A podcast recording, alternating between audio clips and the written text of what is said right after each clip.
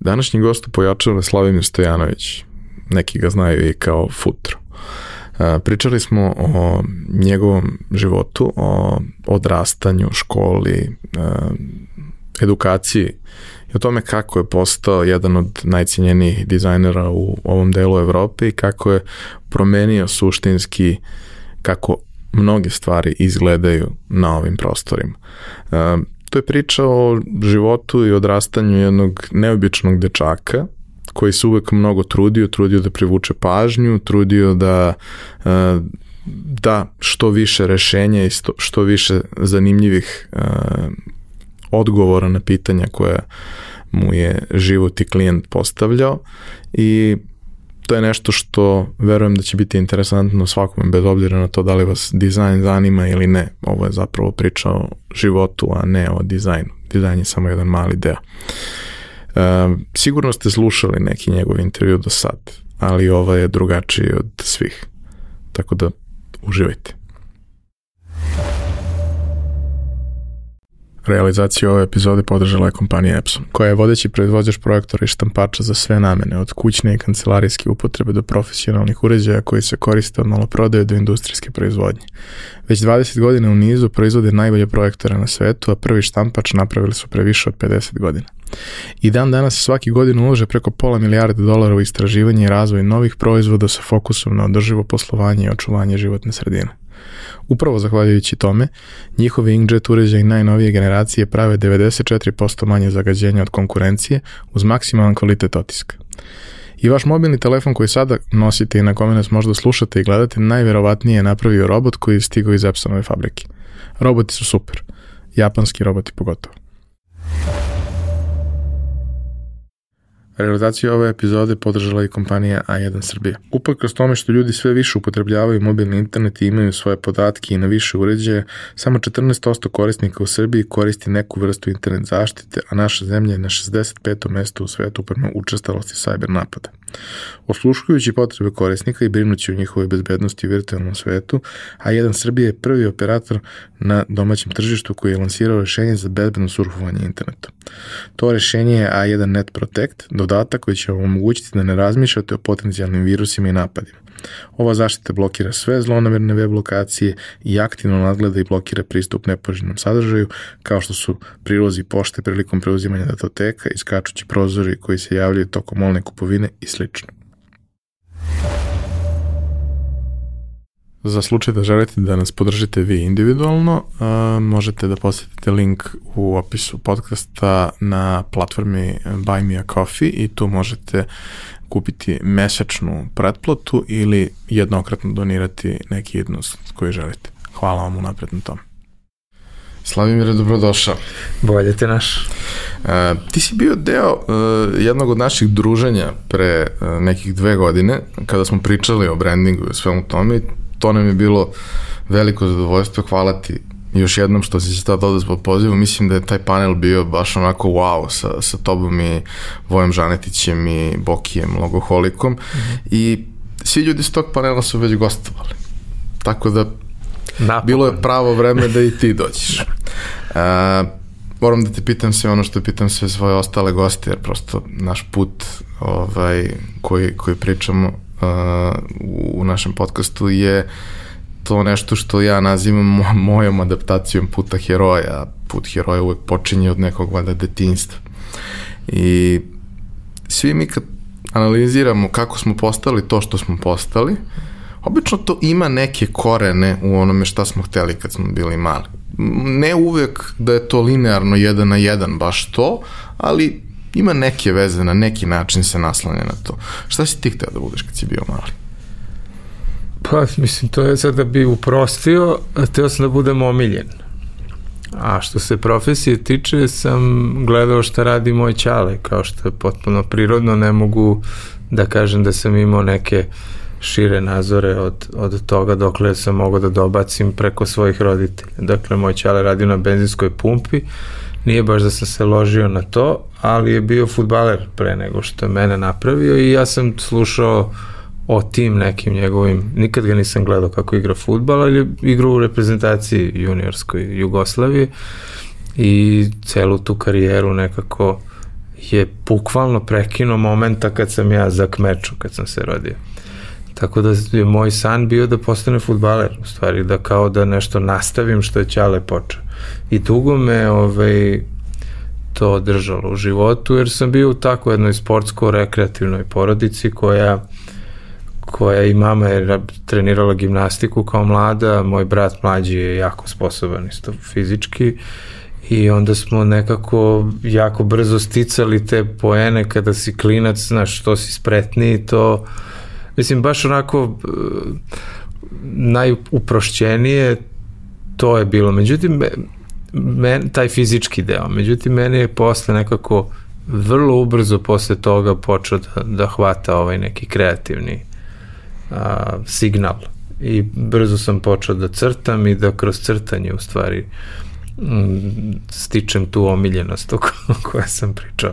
Jer sam vidio da je to prečica do nekih emocija, do ljubavi koja mi je falila u, u odnosu na brata koji je bio obliven tom, ovaj, jer je bio mlađi i bolešljiv i onda je sav fokus išao na, na njega u principu. I onda sam ja imao ozbiljnog takmaca i taj kažem, metod takmičenja s nekim drugim za pažnju sam primenio do dan danas. Ne namerno, nego to je, čim vidim da je neko bolji od mene u nečemu, ja moram da vidim zašto i kako da ga e, da kažem u nadmetanju prevaziđem.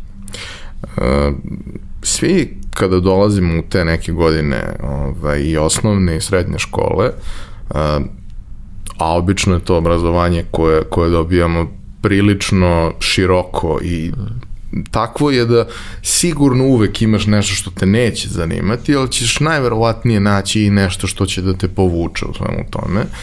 I prosto ono, to šta nas povuče, zašto pokažemo interesovanje, često to bude kasnije nešto što, što uh, je na neki način ugrađeno u ono čime se bavim.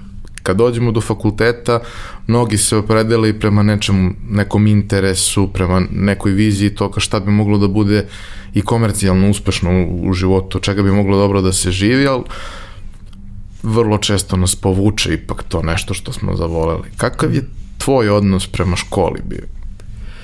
Pa ja sam funkcionisao savršeno u tim okvirima. Meni su, meni su bili važni okviri u, u, na osnovu kojih ja mogu da dobijem povratnu informaciju da li sam dobar ili ne.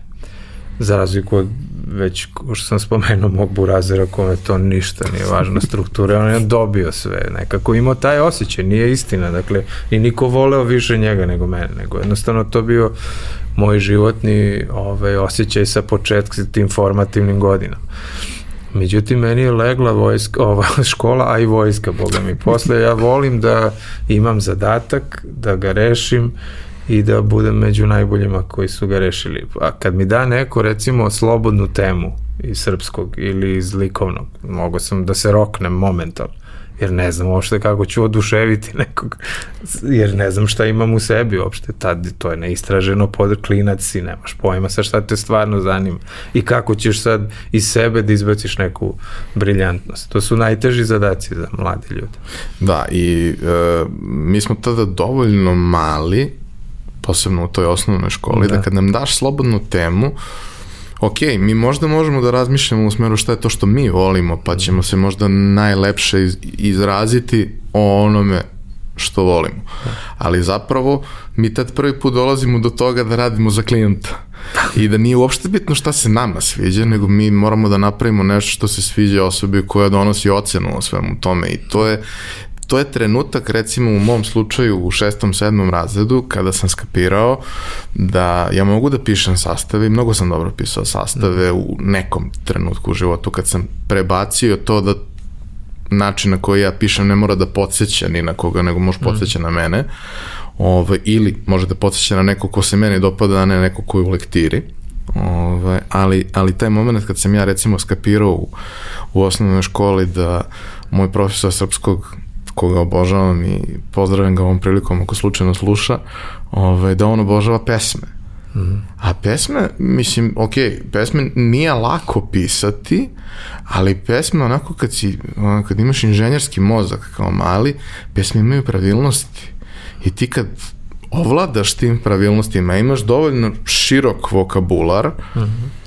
ti u suštini napišeš 20% količine teksta koju neko drugi napiše, a čak i ako nije najbolja pesma na svetu, dobit će pet sigurno, zato što niko nije napisao pesmu, a onda su vremenom one što sam više pisao, bile sve bolje i bolje, ja sam dobio gomilu nekih nagrada na to sve, ali sam provalio sam, našao sam u Žišku, mm. provalio sam šta je to što, što ga radi mm.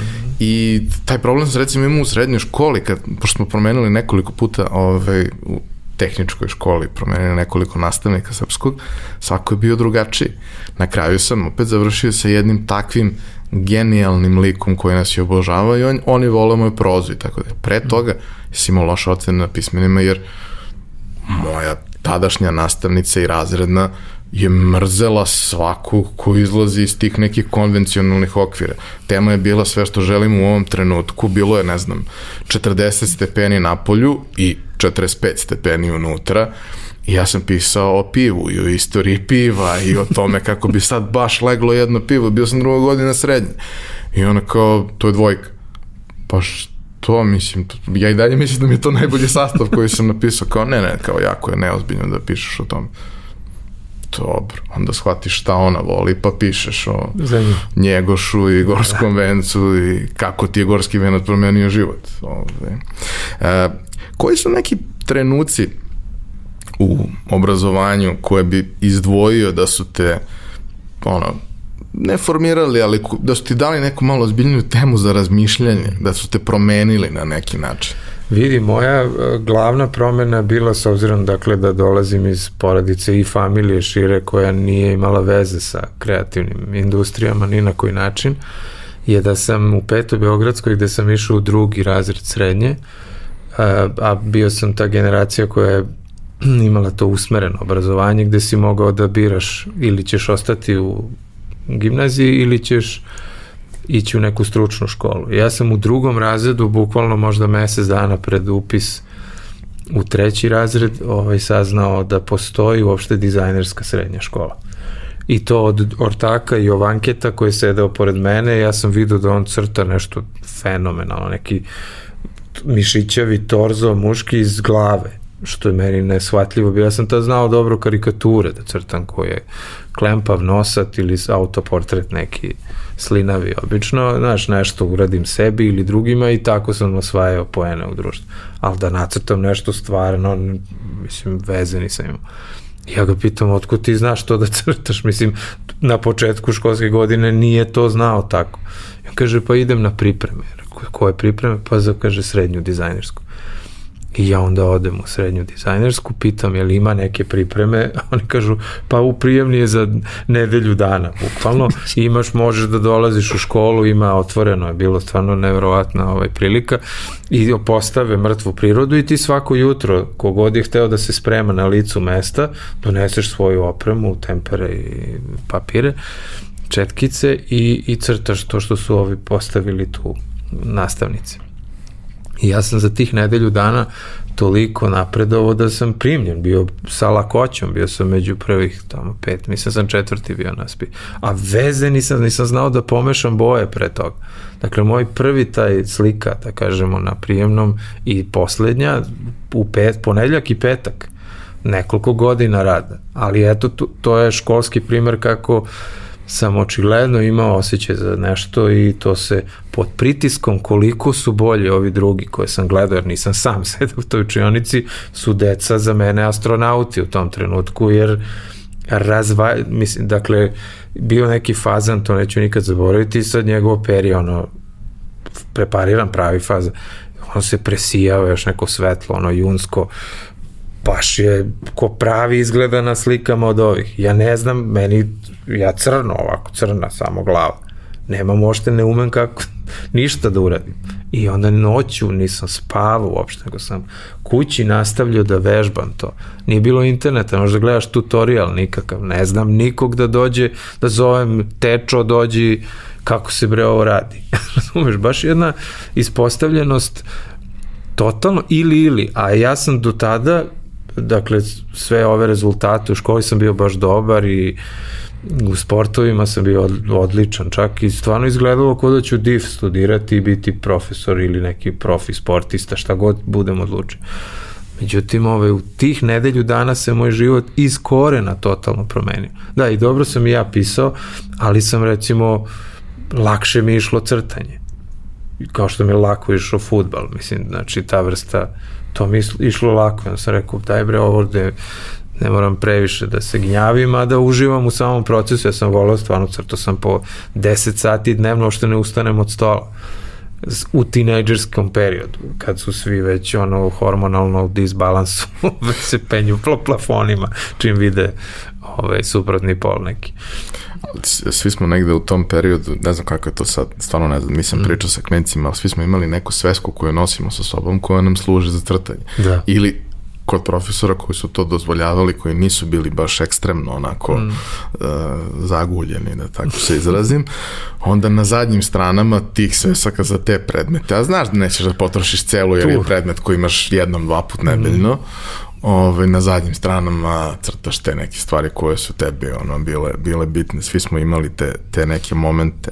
Mm. A, dizajnerska u tom periodu uh, je u suštini tek postajala to što će, što će biti, koliko mm. se ja razumem. Ovaj, šta je ona tebi donela tad? Mislim, to su, to su još uvek uh, vrlo mlade godine za mhm. bilo kakvo profesionalno konkretno usmeravanje i da. sve ove neke stručne škole koje su postojale po gradu i dalje postoje, daju oni tebi malo više iz toga šta ti je struka, ako je to mm. mašinstvo, elektrotehnika, ali i dalje ti daju prilično široko obrazovanje i ti suštinski možda upišeš bilo šta nakon toga, da. čak i ako si medicinsku išao ili nešto tako, ekonomsku, možeš da upišeš bilo šta nakon toga. Kako je izgledalo kad dolaziš iz sistema gimnazije u sistem dizajnerske škole? Došao sam da stvarno naučim stručno nešto i stvarno sam za dve godine mogu i da ne idem na akademiju. Tako je bilo dobro stvarno. Bili su mi, ovaj, ja sam upisao ambalažu i dve stvari su bile presudne. Prvo, e, nastavnici su bili stvarno vrhunski, to su posle bili profesori na akademijama. Miša Dragutinović naš razredni i Ivica Rakić koji je bio posle profesor na, na akademiji na grafičkom dizajnu. Dakle, oni su nam predavali ambalažu i te elemente grafike primenjene baš na, na, na taj, nije samo ambalaža naravno, ali taj trodimenzionalno i dvodimenzionalni aspekt smo izučavali veoma ozbiljno odmah u srednjoj školi. Dakle, na nivou kako se radi u, na faksu posle. A, i, I glavno, i ovo drugo iskustvo, dakle, njih dvojica činjenica sam zapamtio ime i prezime za mene u nastavnika, ja ne znam ni jednog drugog da nabrojim, iskreno. A ovaj, e, to je važno i važno je bilo strašno što sam sedeo u klupi sa Srđanom Valjarevićem, piscem, Nebojšom Rogićem, animatorom, našim apsolutno najboljim, koji sve ove filmove koje gledate naše domaće, svi specijalni efekti koji valjaju, to, to je ne, Roga radio. I Miloš Ilić, moj najbliski drugar i do dan danas, koji je danas e, direktor muzeja primjenih umetnosti, a i kolega profesor na akademiji sa mnom. Dakle, mi smo, naš četvorica smo sedeli u istoj klupi. Dakle, to, a pritom niko tu nema tu rivalstvo neko nasilno, nego se zna, Roga je crtao, on zna čovjek da crta i piše kao Leonardo da Vinci u, u oba smera ovako. Znači, ne, nije normalan baš čovjek, ali je genije totalni za takođe ekstremno duhovit. Dakle, tu sam se naučio da je duhovitost važna, da nije bitno samo futbal i taj mačo fazon koji sam na ulici pokupio, nego mi je ovaj, ta škola donela aspekt uh, humora kao jako, jako važan deo socijalizacije i uopšte komunikacije. Miloš je najduhoviti čovjek koga znam, tako da ta vrsta istančanog humora koji ne može baš svako da dohvati i otkriće u tom periodu Monty Pythona kao nečega na što smo svi otkidali u srednjoj školi je i muzike naravno, ti muzički ukusi koje sam dobio tamo, nije bilo šanse, ja sam bio u pop kulturi do, do tog momenta. A onda su došli tako neki ljudi koji slušaju nešto obskurno, zašto nikad nisam čuo I ja sam u to ušao srcem i dušom i telom, što bi rekli. Tako da ta srednja dizajnerska, te dve godine su mi realno najvažnije dve godine života, objektivno, jer sam tu shvatio da mogu. I šta, šta je moja reakcija bila na to, je da kad kaže profesor, nastavnik 10 eh, skica za sledeću nedelju, ja uradim 100. On kaže 30 skica, ja uradim 300. Bukvalno 300 skica uradim. Ne znam da li možeš to da pretpostaviš ošte, to nije normal, tog ne možeš da voliš, e, štreber. Ali sam ja stalno od toga pravio na sobstvenu račun neku vrstu zajebancije i koliko se sećam nije nikom nešto smetalo, nego se znalo je ovaj lud, ovaj će da nadoknadi sve što do sad nije znao time što ništa bre drugo nisam radio Ja sam se napio prvi put u 25. godini kad sam završio ono, sa školovanjima i svim. Ozbiljno, to, ja sam totalni fokus imao, to nikom nije bilo jasno uopšte. A izgledao sam dosta dobro za svoje godine, mislim, ono, ličio sam na nešto, da, ali mi ništa to nije odvuklo uopšte u taj neki, da kažem, gde su već mnogi u srednjoj školi su izlazili napolje do 3-4 ujutru na akademiju, recimo, ekipa iz srednje škole, to se tad nije dešao, tad si izlazio do 10-11. Mislim, to je 85 6 7 e, kako si po, u trenutku za, završetka srednje škole, kada si ti osposobljen da mm. radiš neke stvari, e, kako si razmišljao o daljem obrazovanju? Pa ne, po default je bio da ako si među najboljima razmišljaš da ćeš na, kao da kulminira to time što ćeš završiti akademiju. Li, mislim, primjenjenu akademiju.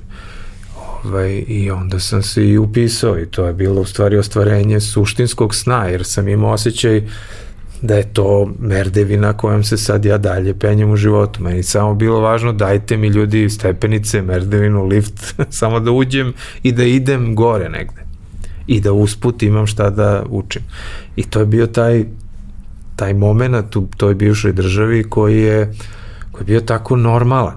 To je bilo potpuno normalno i bilo je jasno da ako si među najboljima od tih osmorov su nas valjda primali, a 160 se prijavilo iz cele Jugoslavije. Znači, nas prime osam. Mislim da je Miloš bio prvi, recimo, ja sam bio drugi, na primjer, tu. I I ti, znaš, ti si u vrhu, znači ja samo da nastavim da radim onako skice ko sumanuti da, i da počinjem sve više i više da shvatam kako se komunicira vizualno, ja, moja karijera je jasna. Znači, bit ću u vrhu, to mi je cilj. I onda se raspadne Jugoslavija.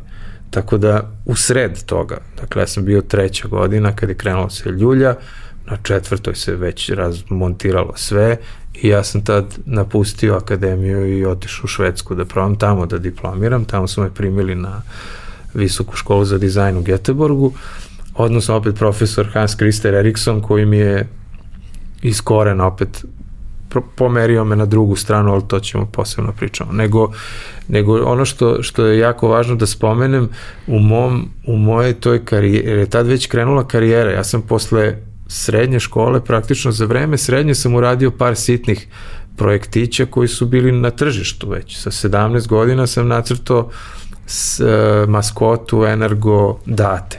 Energo mhm. Data je bila računarska divizija Energo projekta. I uh, čovek koji je najviše uticao da je uopšte u tom poslu shvatim stvari kako funkcionišu i kako me ovaj, kako, kako da dođem do poslova, jer sam preko njega par projekata i dobio, je bio očuh mog najboljeg prijatelja iz detinstva, ovaj, Saše Leskovara, Vlada Čeh. Vlada Čeh je doajen mhm. advertisinga i on stanuje u paviljonu iza mog. Oni su Jaše Prodanovića, mi smo u u Cvićevoj, u Ljube Stojanović. Dakle, tu smo, to je u našem tom dvorištu se sve to nekako, kako bih rekao, razvijalo. I u toj neposrednoj blizini nekog iz industrije sam ja, dakle, mora se samo prvo da se upišem u dizajnersku da bi vlada Ček shvatio da ja stvarno znam nešto da radim i da me pozove da nešto radim. Dakle, stvari se odviju u momenta kad poslušaš uh, glas uh, su najdublji iz sebe, što je ujedno i glas univerzuma, ali taj glas je vrlo tih često u tim godinama i jako malo ljudi ga osluškuje uopšte, ne znaš, nemaš pojma se ko, šta ću ja da radim u životu, ko ću da budem. A ja sam ga baš čuo, onako, ozbiljno. Za, zašto? Iskreno, zašto sam čuo? Zato što sam video merdevine. Inače, jer mene samo to zanimalo. Kuda ja idem sad? Samo mi dajte da se u nešto. I to se desilo. I onda na tom putu odjednom se samo pojavljuju nove i nove prečage da ide što više. Same od sebe. Ne, znaš, ima period u životu gde sam odjednom, a u, kako sad ovo, znaš, ali to isto se nešto, ako si fokusiran, znaš, to se sve reši de, i desi.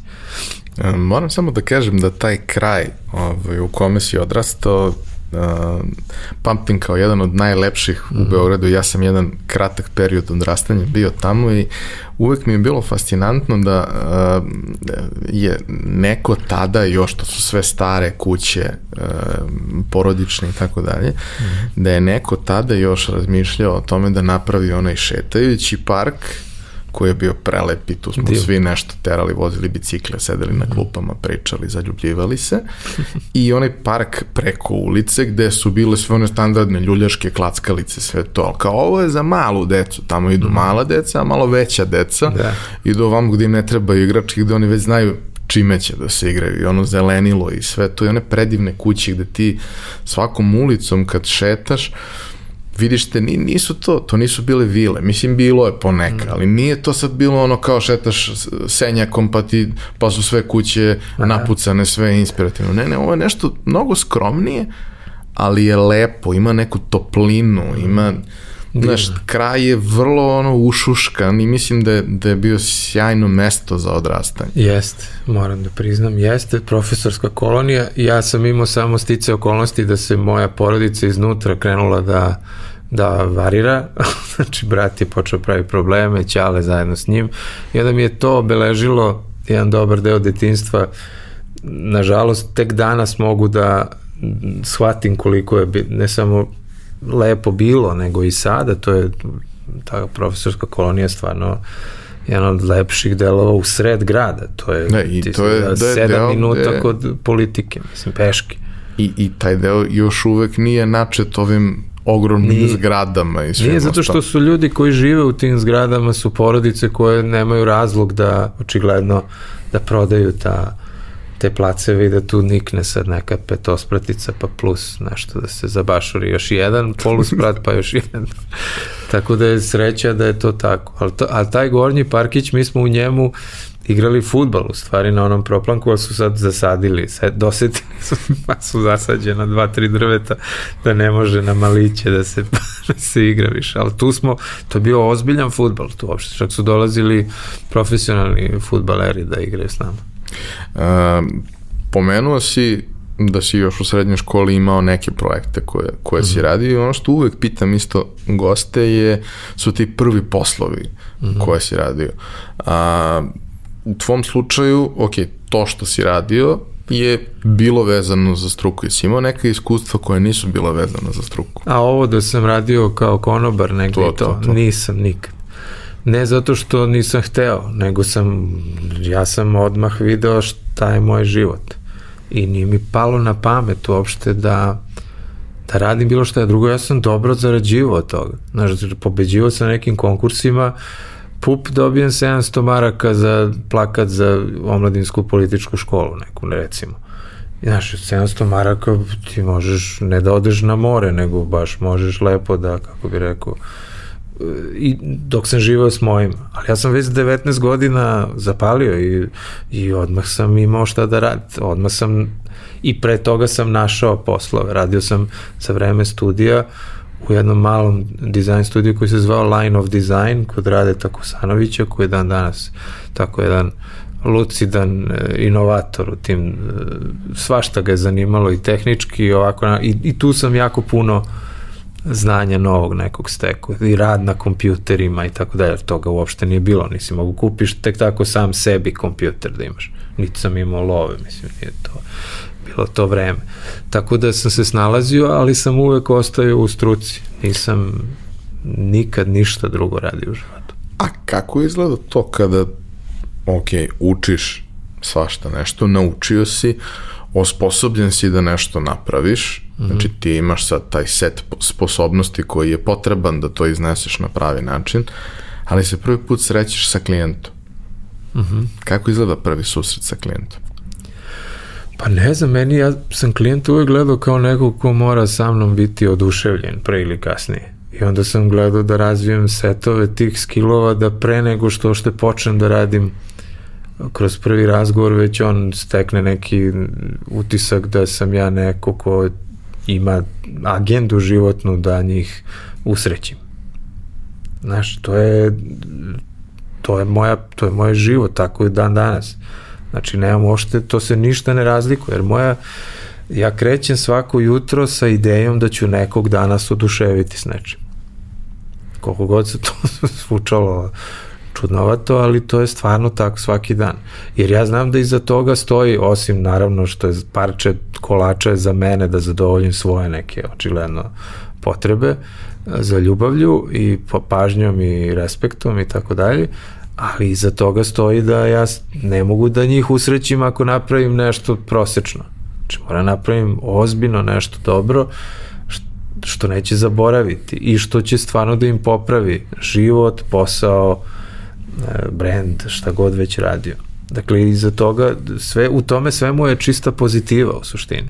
Iako se gravitira u mom unutrašnjem biću i gravitira oko mojih neuralgičnih tačaka iz detinstva.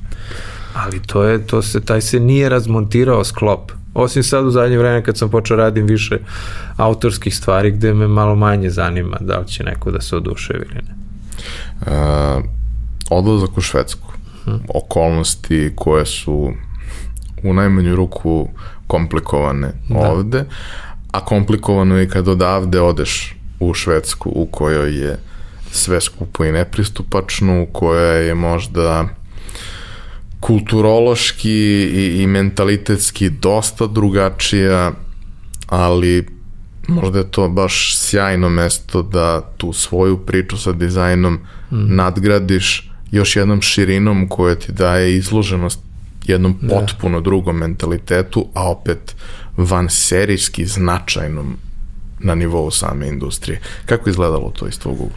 Pa vidi, ja sam to urušavanje Jugoslavije tih zadnjih 3, 4, 5 godina raspada koje su prethodile, koje su se osjećale da, da dolaze primitivci ovaj, na važne funkcije, što znači ujedno i pad svih e, sistema vrednosti kulturnih pre svega, a normalno posle i moral otišao dođe vola i ekonomija zajedno s moralom, ovaj, ali, ali taj set vrednosti na kojima smo mi živeli, pogotovo 70-ih i 80-ih, od muzike do, do umetnosti, je jednostavno se razmontirao totalno.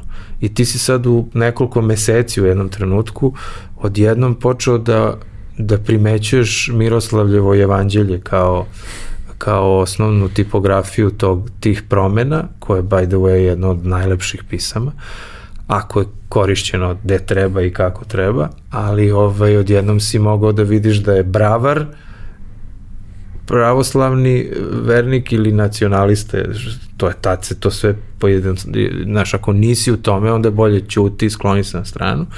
I bravar pljeskavica ove što pravi ima isto Miroslavljevim, državne institucije su ubacile isto Miroslavljevo, na, mogu si na televiziji svuda da ga vidiš. Dakle, toga nije, jednostavno, godinu, dve pre toga, ta, to nije to mesto mu je bilo u muzeju, to nije bilo kao font uopšte. Znaš čega se ja sećam? Da. Sećam se trenutka i, i pošto sam živeo u zgradi koja je, u tom trenutku smo kao porodica živeli u zgradi koja je imala nešto 80 stanova na mom ulazu, a bilo je, ne znam, 7 ulaza, znači beskonačno stanova. Lagano kako su dolazili novi ljudi, kako su se sa klinaci, pa proćeš da vidiš mm kako se ko preziva, pa ti interesantno, pa imaš gomilu onih sandučića. Mm. Lagano imena na sandučićima kreću da od onog nečeg univerzalnog što je bilo na ili na pisaćoj mašini ili na onoj mašini što embosira. Da, da, da. Pa je da. kao to lepljeno. Odjednom sad su to metalni ili plastični natpisi da. koji su ćirilična prezimena. Samo da. žive tu, a preselit će se sa istom tom pločicom. E, tragično je zato što, kažem, to, je, to se zove demontiranje ovaj, i dekonstrukcija e, svih vrednosti koje se zna zašto, koje imaju korene. Ali kad neko uzme i dekontekstualizuje tako kulturu i nasledđe i preuzme ga za sebe, za svoje neke trenutne, da kažemo, potrebe, ovaj, ti postaješ kao neko ko je unutar toga svega, ne možeš da se iskobeljaš napolje, mi smo morali da platimo, svako ko je hteo da izađe u tom periodu iz Srbije, morao si da platiš taksu za izlazak iz Srbije 50 maraka, a plata je bila recimo 2-3 otprilike. Znači, to, to, to su monstruozne stvari, na to se, to svi zaboravljaju, šta, ali ti zamisli, evo sada ti neko kaže, aj plati, ne možeš da ideš, gde ćeš? A u stvari ideja je bila da se spreči odlazak ljudi, kao što sam ja koji je student i ne mogu time se bavim, što ne želim da mi bude u crkvi isti logo kao na pljeskavicama čoveč ili na bilo čemu, znači, a pljeskavica by the way košta smešno jer se ljudi samo time hrane. Dakle, hoću kažem, jedan potpuni prodaja svega i ovaj, u ime nečem čega više nije mi ni jasno. Uh, I onda sam ja prvu priliku kada sam dobio, jer sam čuo za tu školu, a ujak mi žive u Geteborgu, i onda sam odlučio da ne, uz, ne uzmem učešće u svom tom ludilu nikako, mislim, nego da probam da završim svoje neke snove, da to ide mojim put, da se držim svojih merdevina koje su se razmontirale, dakle moram negde drugde da odnesem parčiće i da ih montiram sa tamo u Švedskoj. I onda sam to uradio u Göteborgu i tamo je profesor Hans Christer Eriksson uradio sličnu stvar kao i, i Vlada Čeh. Znači izgleda da je što, kad te univerzum vidi da ti te merdevinice pod mišku staviš i da si uporan da hoćeš to, on ti pošalje nekog profesora, nekog Vladu Čeha, nekog. To uvek tako. Ili Dragana Sakana posle kad sam se vratio. Znači, Hans Christer Eriksson mi je rekao, kaže, ajde probaj, pošto sam ja bio pun intenziteta, znaš, onako dođeš napaljen u Skandinaviju gde sve on, koji put sam video minimalizam u funkcionalni minimalizam, ne u muzeju, gde kažu, e, ovo je sad, ne znam, št, koji god od ovih minimalista. I kaže, e, to je sad, tu je tačkica i belo sve nešto. A ovamo tako izgleda sve od čaše, stolice, garderobe, izloga o radnji, sve ambalaže, kozmetika, sve izgleda tako. I, i znaš, vremenom ukapiraš zašto, zato što su prevazišli ovaj nivo e, nekog e, ego, e, kako se kaže, vođenog dizajna nego je nekako odjednom sve to upakovano u neku društveni kontekst. Znaš, i to mi se strašno dopalo, plus što sam došao iz kolapsa direktno i, i toj kombinaciji tog što sam donao sa sobom, te komplikacije tog nekog što oni kažu, ovaj, vi ste slojeviti tamo na Balkanu, znaš, misleći divljaci, ovaj, ali su fini ljudi, pa, znaš, nema tu vređanja, nego ti on kaže, usmerite, probaj to svoju slojevitost koju nosiš, komplikovanost, komplikaciju, Znači, stavi to u naše ove okvire likovne da te mi razumemo, znači u taj minimalizam, probaj da smesti, znači ogoli, brate, ideju na njenu suštinu. I to sam tamo savladao. Prvi put sam to probao tamo da uradim. Da mi ideja ne prska na sve strane, da bude bogata, narativna, preterano, ono ilustratorsko, stripski, kao što se ovde to mislim, radi zato što tako imaš jezik taj. Ovde je jezik, taj narativ je uh, užasno dubok iz prostog razloga što se decenijama unazad, a boga mi vekovima, ali ajde da kažemo što se vizualne umetnosti i kulture tiče i komunikacija pre svega, ti si uvek imao podtekst neki. Zato što je bilo ipak nije bilo tako strašno kao i za ono čelične zavese u ovo Uh, istočni blok i to što, što je doživeo, njima je bilo drastično gore naravno nego nama u našem socijalizmu, ali ti si ipak imao uvek neku potrebu da još dodatno nešto, neku skrivenu ili neku poruku koja koja je malo dvosmislena i tako. I takav nam je i humor, znaš, ovde je humor stalno tako trosmislen, pa ko ne ukapira je glup i momentalno ne možeš da se družiš više to je, jako je nezgodno, zahtevno je ovo naše, nije pravo lini, jednolinijski ovako, Tako da to probati ubaciti u minimalizam, taj skandinavski je bilo najveći izazov, ali mi je išlo odmah. I onda mi on rekao sam, cepaj ovo do kraja života. Ako rekao, znaš, i zamolio me da mu šaljem radove ovaj, svake godine moje neki mali portfolio, kao isprintaj ti to meni pa mi pošalji poštom još. To je bilo 92. treći sam ja kod njega studirao. I ovaj, slao sam mu do 2012. ili 10. mislim da je, do, do 2010. svake godine nešto spakujem, pa on napiše pismo onda šta misli o tom. A kaži mi, uh, ulazak iz jednog obrazovnog sistema u drugi, mm. uh, kako je to izgledalo? Ti si ovde bio, uh, po onome što kažeš, vrlo zadovoljan kvalitetom, stručnošću, vrednostima koje si dobio kroz mm. obrazovanje, ali kako izgleda kada dođeš tamo gde, gde je to jedan od centara sveta. Vidi, u srednjoj školi sam bio strašno zadovoljan, jer sam prvo bio klinac i prvo, bile su mi prve godine. Na faksu je počelo da raste nezadovoljstvo, ne zato što nisu dobri profesori, nego je zastareo sistem, jednostavno način rada je bio zastareo i drugo, bilo nas je strašno malo na grafičkom dizajnu. Te godine kad sam ja otišao u Švedsku, nije niko završio toj klasi, svi smo otišli, nas trojica smo samo bili na tom smeru i, ovaj, i to nije bilo slučajno što je samo toliko ljudi bilo, zato što taj smer nažalost nije doživeo transformaciju tehnološku. U to vreme su uveliko već postojali PC-evi, Mac-ovi ili PC običan. Mi smo imali jedan zaključan u učiteljskoj sobi, tamo profesorskoj, koji nismo upalili nikad. A ja sam morao da crtam raj s federima u temperama, u, razumeš, u vreme kada oko mene već jako puno vidim šta rade ljudi u svetu, počeo sam da se informišem o tome, međutim i to je stizalo sa zakašnjenjem u našu biblioteku, pa sam morao da idem u Budimpeštu koja se posle pada ovaj, Berlinskog zida, Budimpešta tu 92. treće, pogotovo posle kad sam se vratio u Srbiju i Švedske, Budimpešta je bila glavni izvor saznanja, uopšte tamo su bile knjižare gde si mogu kupiš grafički dizajn. Kod nas ništa, to, to ništa nije bilo tih par godina, je bilo baš crna rupa u Evropi za kulturu. Tako da, hoću kažem, mi smo se onda snalazili, gledali kako da kako to da, da shvatimo šta se u svetu dešava, a ja kad sam odižao u, u Švedsku, znaš, znaš kakav sistem školovanja, dođe profesor recimo koji ilustraciju predaje i kaže ajde danas, a na klasi nas sedmoro, šest e, devojaka i ja imam sam, sam tu neugodnu situaciju. I ovaj, i kaže ajde o, sa sutra, ne znam, danom temu, izađite napolje i crtite ovde po krugu akademija, to u nekom starom skladištu prioba, ono kako se kaže, u lučkom delu uh mhm. -huh. Geteborg. I ti sad crtaš neke elemente koji ti se sviđaju, gledaš i gledaš da to bude puno života, po crteš olovkom, bukvalno. I onda kaže, sutradan ti kaže, ajde sad svi okačite ovde i objasnite šta, zašto ste izabrali taj motiv, šta ste hteli njime da kaže, zašto tom tehnikom, zašto tako ekspresivno, zašto tako tanko, zašto debelo, razumem, on te pita sve to, ti onda pred svima to moraš da kažeš i svako od njih da kaže šta misli o tvom tom radu.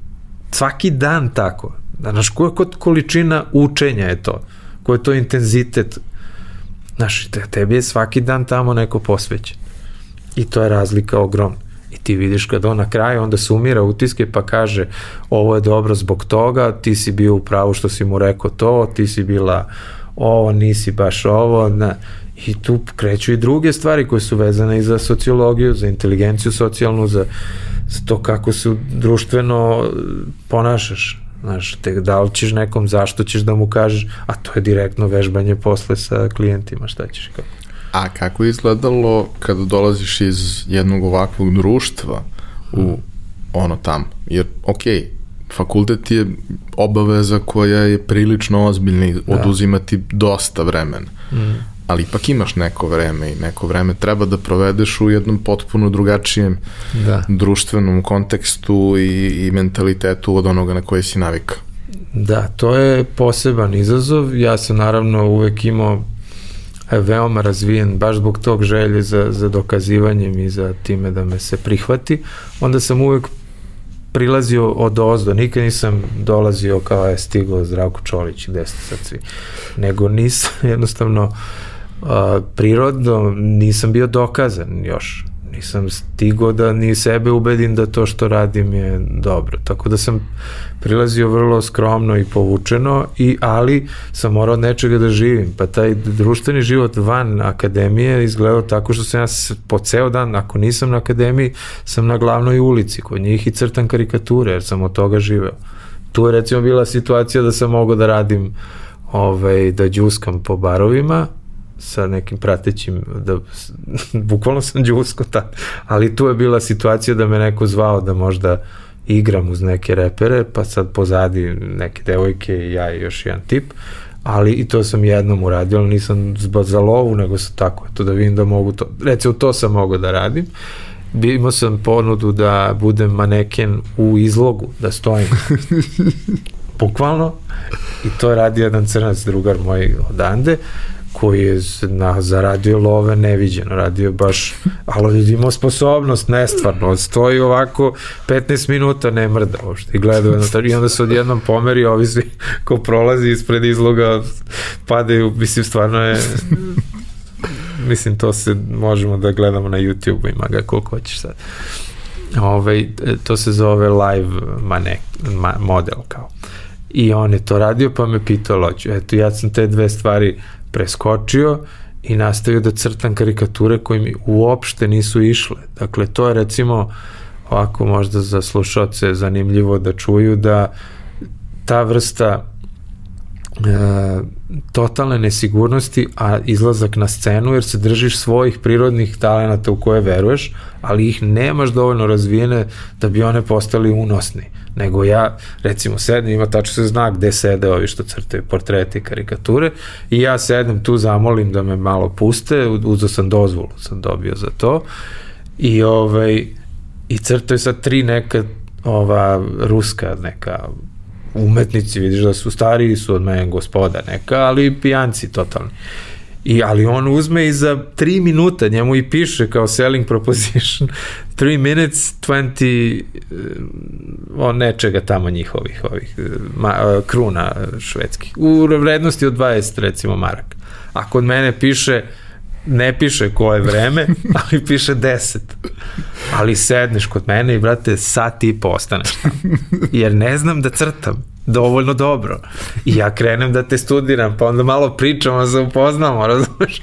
I to je, to je pakao. I onda kreneš da crtaš, ne, nema većeg blama, pogotovo petak uveče, tad, je, tad se najviše crta, jer se ljudi krenu napolje u provod i kao ajde, ajde i dođu pijani šveđani i sad grupe njih se okupe i prave spredačinu od toga. I, I sad recimo ja krenem da crtam neku rec, devojku, na primer, i vidim objektivno veoma klempava devojka i sad, a lepa, ali klempava, viraju baš ozbiljno uši iz kose koju pokušava da sakne. I, a ovi nju, pošto su svi cvrcnuti malo, oni je nateraju da je baš zbog tih ušiju, da je zezaju sad da je nacrtan karikatur. Ja sad uopšte ne krećem, neću uši da crtam, nego krećem kao napravim nos veliki, pa ovo, pa.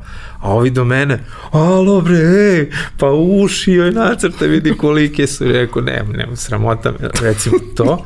Ili najgore možda od svega je kad kreneš da crtaš i vidiš sad gledaš nekoga i promašio si načisto. Znači nema, nije dobro.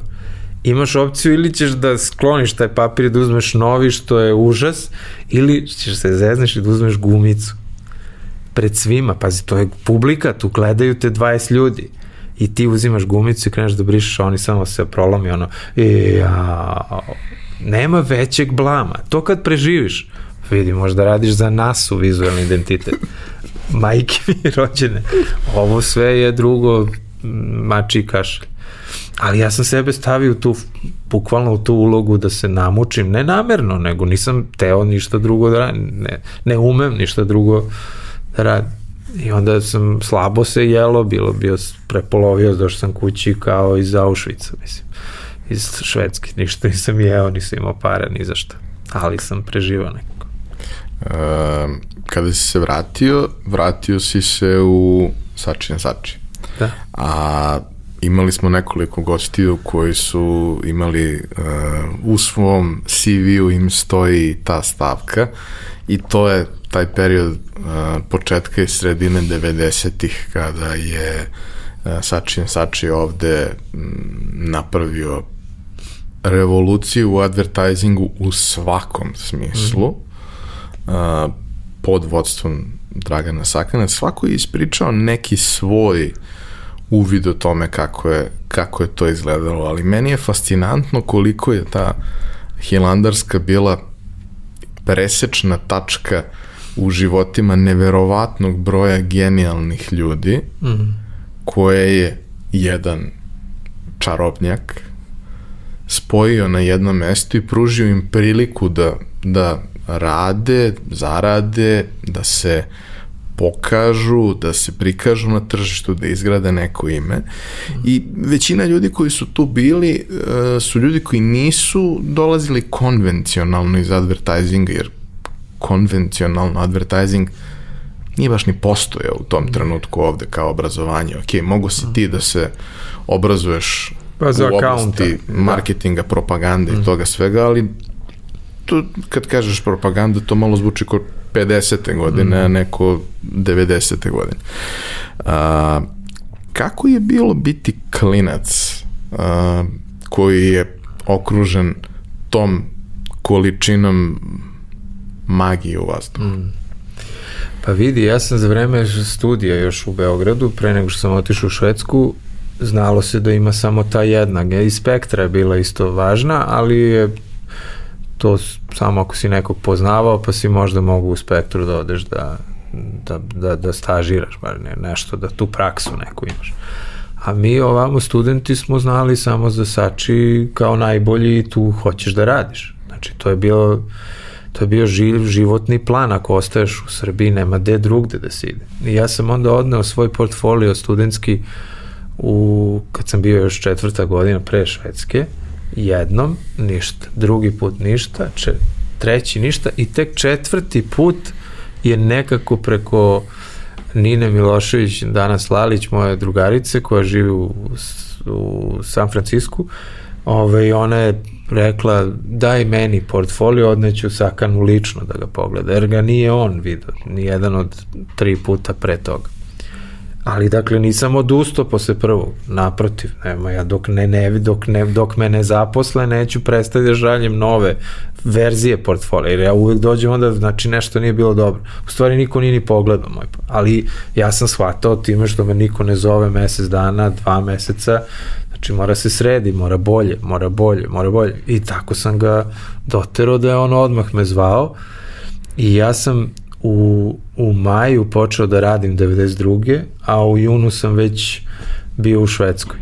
Tako da sam mesec dana radio i u tih mesec dana sam dobio da radim 127 ambalaža da redizajniram u sred raspada Jugoslavije za e, ovaj 29. novembar Suboticu. Sećam se da su, smo išli onda na studijsko putovanje u Suboticu da nam pokažu kako kad je živa stoka, kad nije više i kako se ona kako je se oduzima to života, na, grozomorno je sve zajedno, ali je na kraju vidiš da ipak nisu paštetama i viršlama neki nešto, ne znam, građevinski materijal neki, nego da je to sve deo tog mučenog uh, ovaj, bića živog. Tako da, uh, taj sam ceo proces uh, prošao i, i, i krenuo to da radim i onda se stvarno zakomplikovalo i izgledalo je kao da je neizbežan sukob, već i u Srbiji izgledalo kao da će tu biti nešto.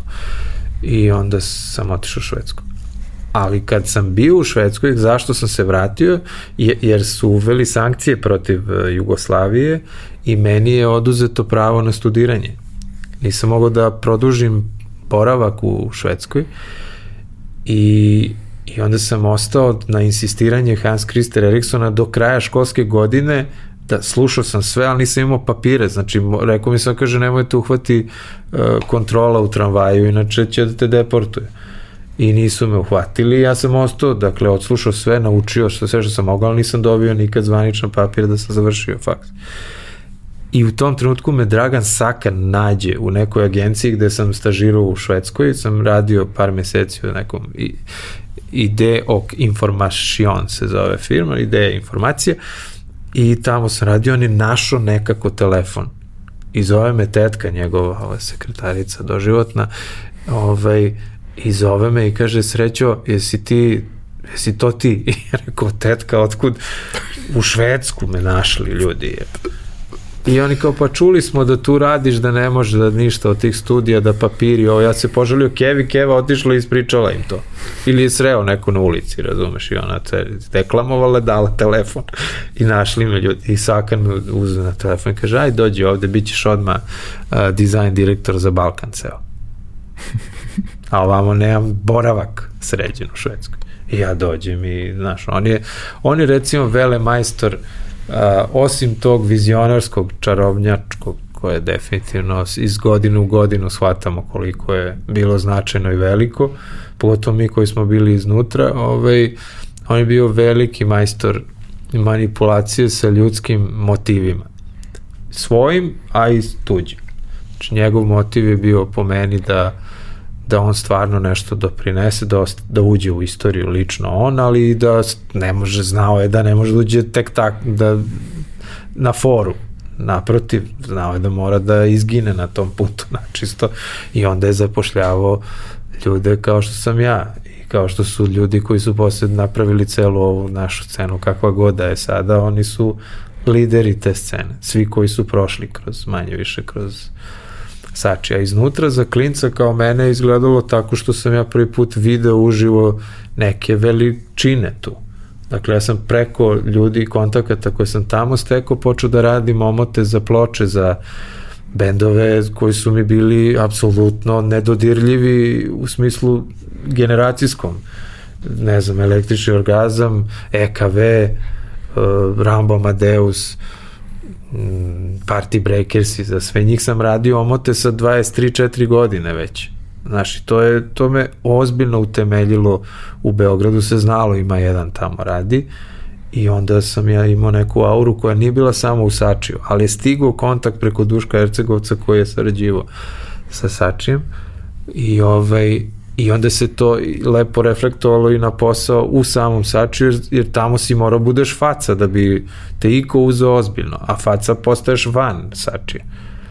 Jer, znaš, ti tamo vidiš Botu, Tucka, Šapera, neviđene likove iz kulturnog nekog miljeja i s njima pričaš Bogdan Tirnanić. To recimo nikad neću zaboraviti.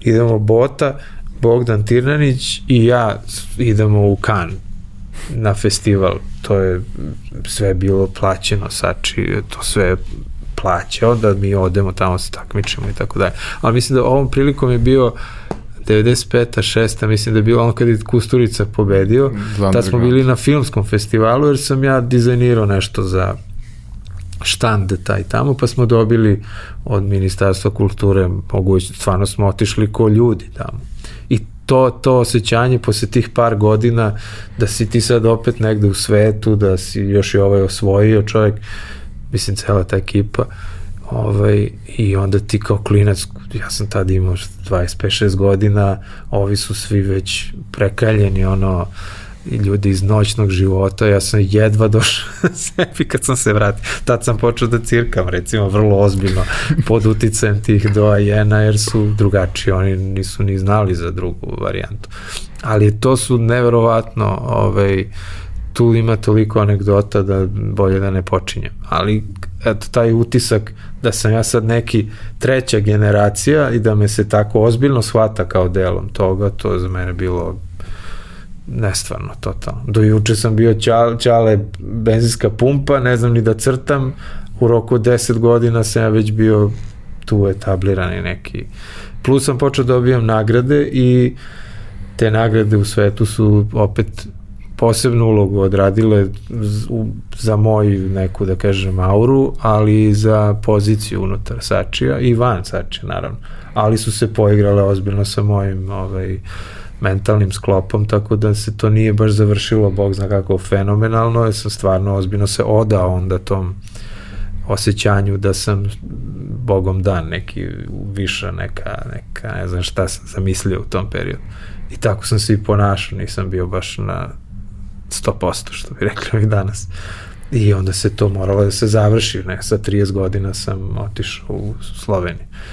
Jel, jednu stvar bih volao da te pitam. Uh, rad u Sačiju, s jedne strane okružen si nevrovatnim mm. ljudima i to se, ali sa druge strane ti imaš pristup najboljim klijentima. Tad je Sači imao uh, bukvalno hub koji je bio kreativni hub za ok, ceo region, jer je agencija bila mhm. regionalna, ali je bilo dosta i projekata koji su dolazili iz inostranstva da se ovde rade uh, kroz, neka, da. kroz neke vrste uh, lokalizacije, ali i, i, i taj deo, to je Milana pričala kad je bila da je za recimo za neke non-profit kampanje ovaj ovde ova ovde kancelarija bila vrlo često kreativna agencija koja radi realizaciju kampanje za londonski sači ili tako nešto. U suštini dobijaš velike klijente, velike brendove. Veliki brendovi uh, ok, naravno, mnogo lepo izgledaju kad ih staviš u svoj portfolio, da si ih radio, kad napraviš mm. onaj, što mi volimo da kažemo, uh, onaj uh, vol za ligu šampiona, gde su oni mali logoji, yeah. to stvarno izgleda kao liga šampiona yes. i sve to, sve to stvarno sjajno. Bilo da si ga radio na lokalu ili da si ga radio u nekom drugom kontekstu. Yes. A kako izgleda sresti se sa, sa tako nečim? Sa multinacionalkama koje imaju svoju priču, koja je da. potpuno drugačija od svega na što si navikao. Vidi, ja sam morao i to da radim, to jeste jedan pakao bez, bezličan pakao za, sa stalnim nekim vraćanjem znaš, po knjizi standarda, dakle nema tu nema tu izazova kreativnih objektivno, osim da si imao veće i manje majstore u adaptaciji već postojećih rešenja. Uh, ono što je bila moja uloga je u tom sačiju, to se vrlo brzo iskristalisalo da, da mene su držali su me na nekim tim projektima gde, gde je moralo to tako fizički da se odradi, jer sam bio dovoljno mlad, klinac sam bio, pa nek radi, to nema veze. E, vremenom su tu počeli da me odmenjuju još mlađi i noviji, a ja sam nekako avanzovao u ovu kategoriju da radim uh, idejna rešenja za stvari koje ne postoje ili koje ćemo probati tek da prodamo. Odnosno, većinu nismo nikad prodali, ali su ti projekti rađeni namenski sa vrhunskom idejom vrhunske kreativnosti da bi na festivalima ostavljali trag neki. I privukli pažnju. Naravno, da, i to je bio deo promocije Sačija, New Momenta kao časopisa koji je ovaj, nastao tada, koji sam ja dizajnirao zajedno sa Milošem pomenutim Ilićem i sa Goranom Patlejhom. Dakle, tu je bilo dosta nas koji smo, ja sam nekako prednjačio jer je men, ja sam se najviše navukao na taj uh, na taj takmičarsko nagradaški, pa sam imao i najviše uspeha jer sam stvarno živeo za to, ali je bilo tu puno ljudi ne znam, Vera Stanković, Ana Vehauc, baš jedan Voja Žanetić, naravno i ta ekipa, Mićko, Dado, i, mislim, genijalci sve, ali kažem, mene je nekako strefilo da sam ja, moj fokus je bio samo koji je sledeći festival i šta mogu od nagrada da dobijem. Polako, vremenom sam potpuno prestao da radim ove stvari u industriji i radio samo, bukvalno sam skice proizvodio ko odnesem ovako papir, sakano i kažem šta hoćemo od ovoga i on ovako, to, to, to. I ja onda zovem ili fotografa da to realizuje ili ja sam nacrtam ili nešto već kako god. Sećam se, to je ono vreme kada su tek počeli mailovi da se šalju mm. ovaj, i to je bio onaj period kada nije bilo to sajtovi sa zanimljivim slikama i to sve, nego su to bili neki mailovi koji su se forwardovali i e, tada je bilo nekoliko tih nekih jako zanimljivih e, rešenja koje suštinski koliko ja znam nikada nisu bile zvanične kampanje za neke brendove, yeah. Da. ali su se jako dobro naslanjale na vrednosti tih brendova Jest. i e, pratili su celu tu estetiku i u suštini su izgledali kao da su prava stvari, iako nisu bili. Bili su samo neki od onih genijalnih ideja. Sad toga ima mnogo i šta god da ti padne na pamet, koja god oblast da ti padne na pamet, ti ako izgooglaš naći ćeš 20 zanimljivih rešenja koje neki dizajner na, neki dizajneri napravili da se pokažu, da se prikažu i tako dalje. Taj to bilo redko, dolazilo je ono, šerovalo se među ljudima malo sporije nego što to sad ide. Da. Ali ja se sećam da su zapravo neka od tih rešenja izlazila upravo iz, iz Sačija, da to nije bilo nešto kao negde iz sveta, Jeste. nego to je bilo naše, a završilo Jeste, u svetu. Znaš šta se desilo? Tad je, e, mislim, fora je biti prvi u nečemu i to je Sakan jako dobro znao, osjećao i tako dalje, napravio taj New Moment kao platformu, časopisu kome je mogao da objavi a, radove koje smo mi napravili u, u agenciji i da od, se time stekne pravo na takmičenje po propozicijama. Dakle, kad je objavljeno, razumeš, bez obzira što nije deo neke velike kampanje. Na, e, naravno, nismo mogli onda da se takmičimo u domenu svetskih kampanja, ali je bilo, tačno se zna gde možeš da se uglaviš, pogotovo što je pričala Milana, vezano za non-profit i za te humanitarne e, kampanje, tu su, to mi smo carevi za to, jer znamo da pogodimo i emociju, znamo da osetimo temu i tako dalje. Ovo je jedna srčana sredina, znaš, koje je sve je krv, nož i ljubav, ovo što kaže za dizajn za svadbe i sahrane kao i muzike. Tako da tu znamo te amplitude da kontrolišemo i i tu su nastaje i dan danas ovo New Moment što osvaja to je iz tog domena koji je emotivan, koji nije baziran na trendovskom nekom fancy dizajnu kojim smo mi kao breakthrough napravili i tehničkom u svetskim radima. Ne možemo, to, nema, to je toliko daleko otišlo tamo da mora tamo da živiš, ali kad živiš tamo onda si njih ima 20 na spisku koji su učestvovali u tom procesu. Ovde kod nas i dalje možeš ti da budeš glavni autor i da eventualno imaš dvoje, troje tu ljudi koji su ili asistirali ili je neko bio kontakt sa klijentom. Znaš, hoću kažem, ovde i dalje autorstvo možeš da proguraš na nekim. Nije nužno da od toga može se živi baš, ali ove, imaš prostor, možeš da se izboriš, to može ovde još uvek. A to vreme ovaj, je stvarno neponovljivo iz prostog razloga što je moment u svetu bio takav da su 90. za nas izgledale kao potpuni pakao, čim uđeš u Hilandarsku unutra izgleda kao da si ušao u nasu, u svemirski brod, neki sve sređeno, svi normalni, lepi, pripiti, znači idealno, ništa nema, te tenzija ako ima, to je više onako, to se izduva brzo i pretvori se u smejanje i humor neki. Dakle, hoću kažem, jedna atmosfera u kojoj svako hteo da hrli. Ja sam spavao tamo vrlo često, nisam ošto išao kući. Znaš, prespavaš, nastaviš da radiš i cirkaš i sve zezaš se. To je tako jedna napravljen neverovatno, ko kod Warhola u fabrici svoje vremena. Dakle, ta, ta, ta atmosfera. I plus je to privlačilo i ljude sa ove druge strane, da kažem, odnosno sa prve strane umetnosti, kritike, književnosti i tako dalje, tako da tu si mogao sediš sa Jovanom Čekićem i Brankom Vučićevićem i da ne da se družiš, nego slušaš šta imaju ti kažu da naučiš nešto još, da nije sve u kako bih rekao površnim nekim stvarima koje su e, da kažemo sinonim za dizajn i advertising. Tako da je tu, Sakan je uspeo da nađe dubinu, da produbi to.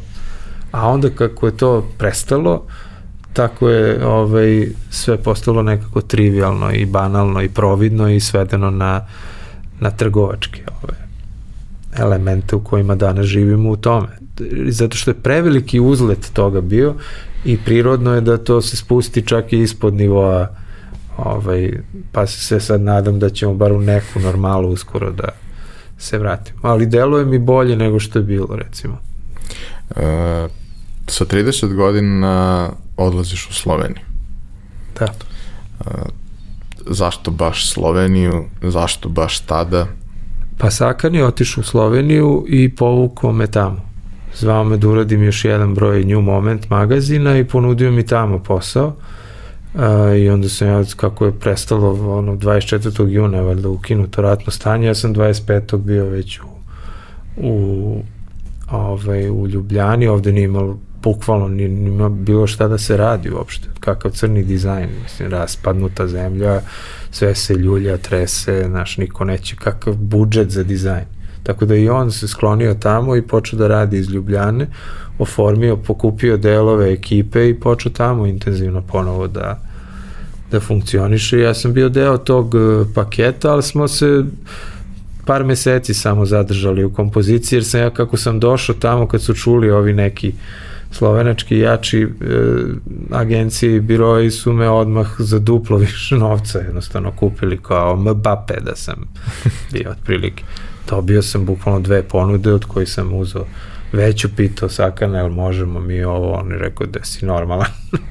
Tako da nismo više sarađivali, ali smo ostali u super odnosima. Posle sam u životu i radio sa Ivanom Stankovićem, njegovim partnerom, ovaj, u komunisu, čak ovde u Srbiji. Tako da, hoću kažem, taj deo nije zaboravljen, niti je zabašuren, on je formativan takođe za mene i, i znaš, taj minimalizam koji sam u Švedskoj počeo da osvajam je, e, imao sam širom otvorena vrata baš za njega u Sačiju. To je Sakan samo rekao, to, to, to, to. Dovoljno je to da kaže, ne, ni morao ništa više ni da smišlja, ni da ništa, samo rekao, to radio, video je to u skicama, to je bio moment u u svetu takođe nije bilo puno toga u advertisingu. Lazar Džamić je na kraju napravio knjigu koju smo, za, ja sam je dizajnirao za Roto Vision londonski, knjiga se zove No Copy Advertising. I ja sam u tome baš izdominirao, što bi rekli. Znači, nema, ideja je cela u slici. Ima samo, mora eventualno proizvod i neki imidž, slika iz koje ukapiraš šta advertising želi da ti poruči. Tako da je tu sam i dan danas kad god treba klijentu tako nešto, ja to radim. E, rad sa jednom novom a, industrijom, jednom novom garniturom klijenata u Sloveniji, u jednom mm -hmm. drugačijem sistemu koji jeste opet svaka, svaka faza ima svoje nešto što, što ti donese. Šta ti je donela Slovenija? Slovenija mi je donela ono što mi je sve što mi je falilo u Srbiji. Dakle, mene je u Srbiji odneo taj a, jet set pod navodnicima 90-ih gde sam potpuno više počeo da radim i živim za slavu i za tu vrstu uspeha, za noćni život, da, za jednostavno pražnjenje te, toga svega. Ovaj, tog ego tripa i onda se odjednom samo to prekinulo preko noći i došao sam u Sloveniju i shvatio da nisam u životu radio na realnom tržištu, jer Srbija nije bilo realno tržište, jesu bili realni klijenti neki, ti veliki svetski. Ali tržište gde je borba, gde ovo, ako ne uradiš dobro, doći će drugi, uzet će ti, naš Sači je bio baš mnogo veliki, redko je gubio projekte, mislim, znaš, to se skoro nije dešavalo. Tako da ta drama, tržišna takmi, utakmica nije postojala.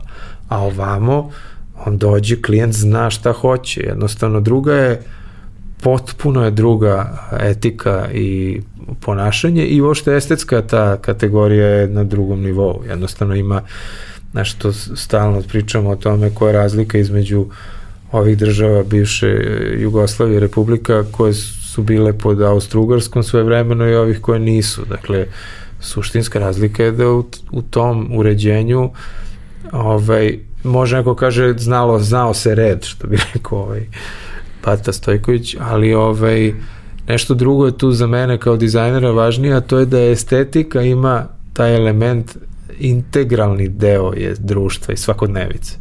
Jednostavno je ne, nije važna, nego je neodvojiva od znaš, kod nas je, a da opereš zube, znaš, to mora neko te podsjeti otprilike ili da se istuširaš ili nešto. Znaš, te osnovne neke stvari nisu integralni deo, kulturno, kulturološki gledan.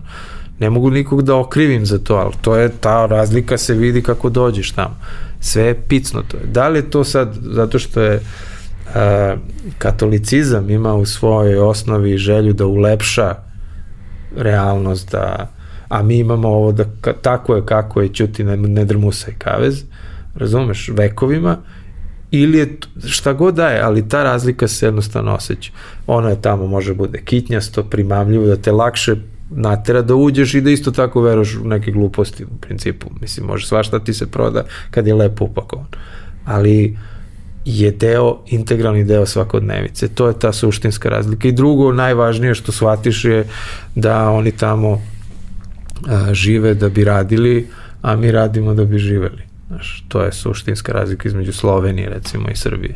I meni je to strašno prijelo, jer sam ja od uvek bio više ovaj koji radi po ceo dan, nego bi se, ne bi se zezo. Ja bi, mogu malo, ali onda mi treba litre i litre nečega da bi se zezo stalno. I onda to nije baš dugoročni neki plan.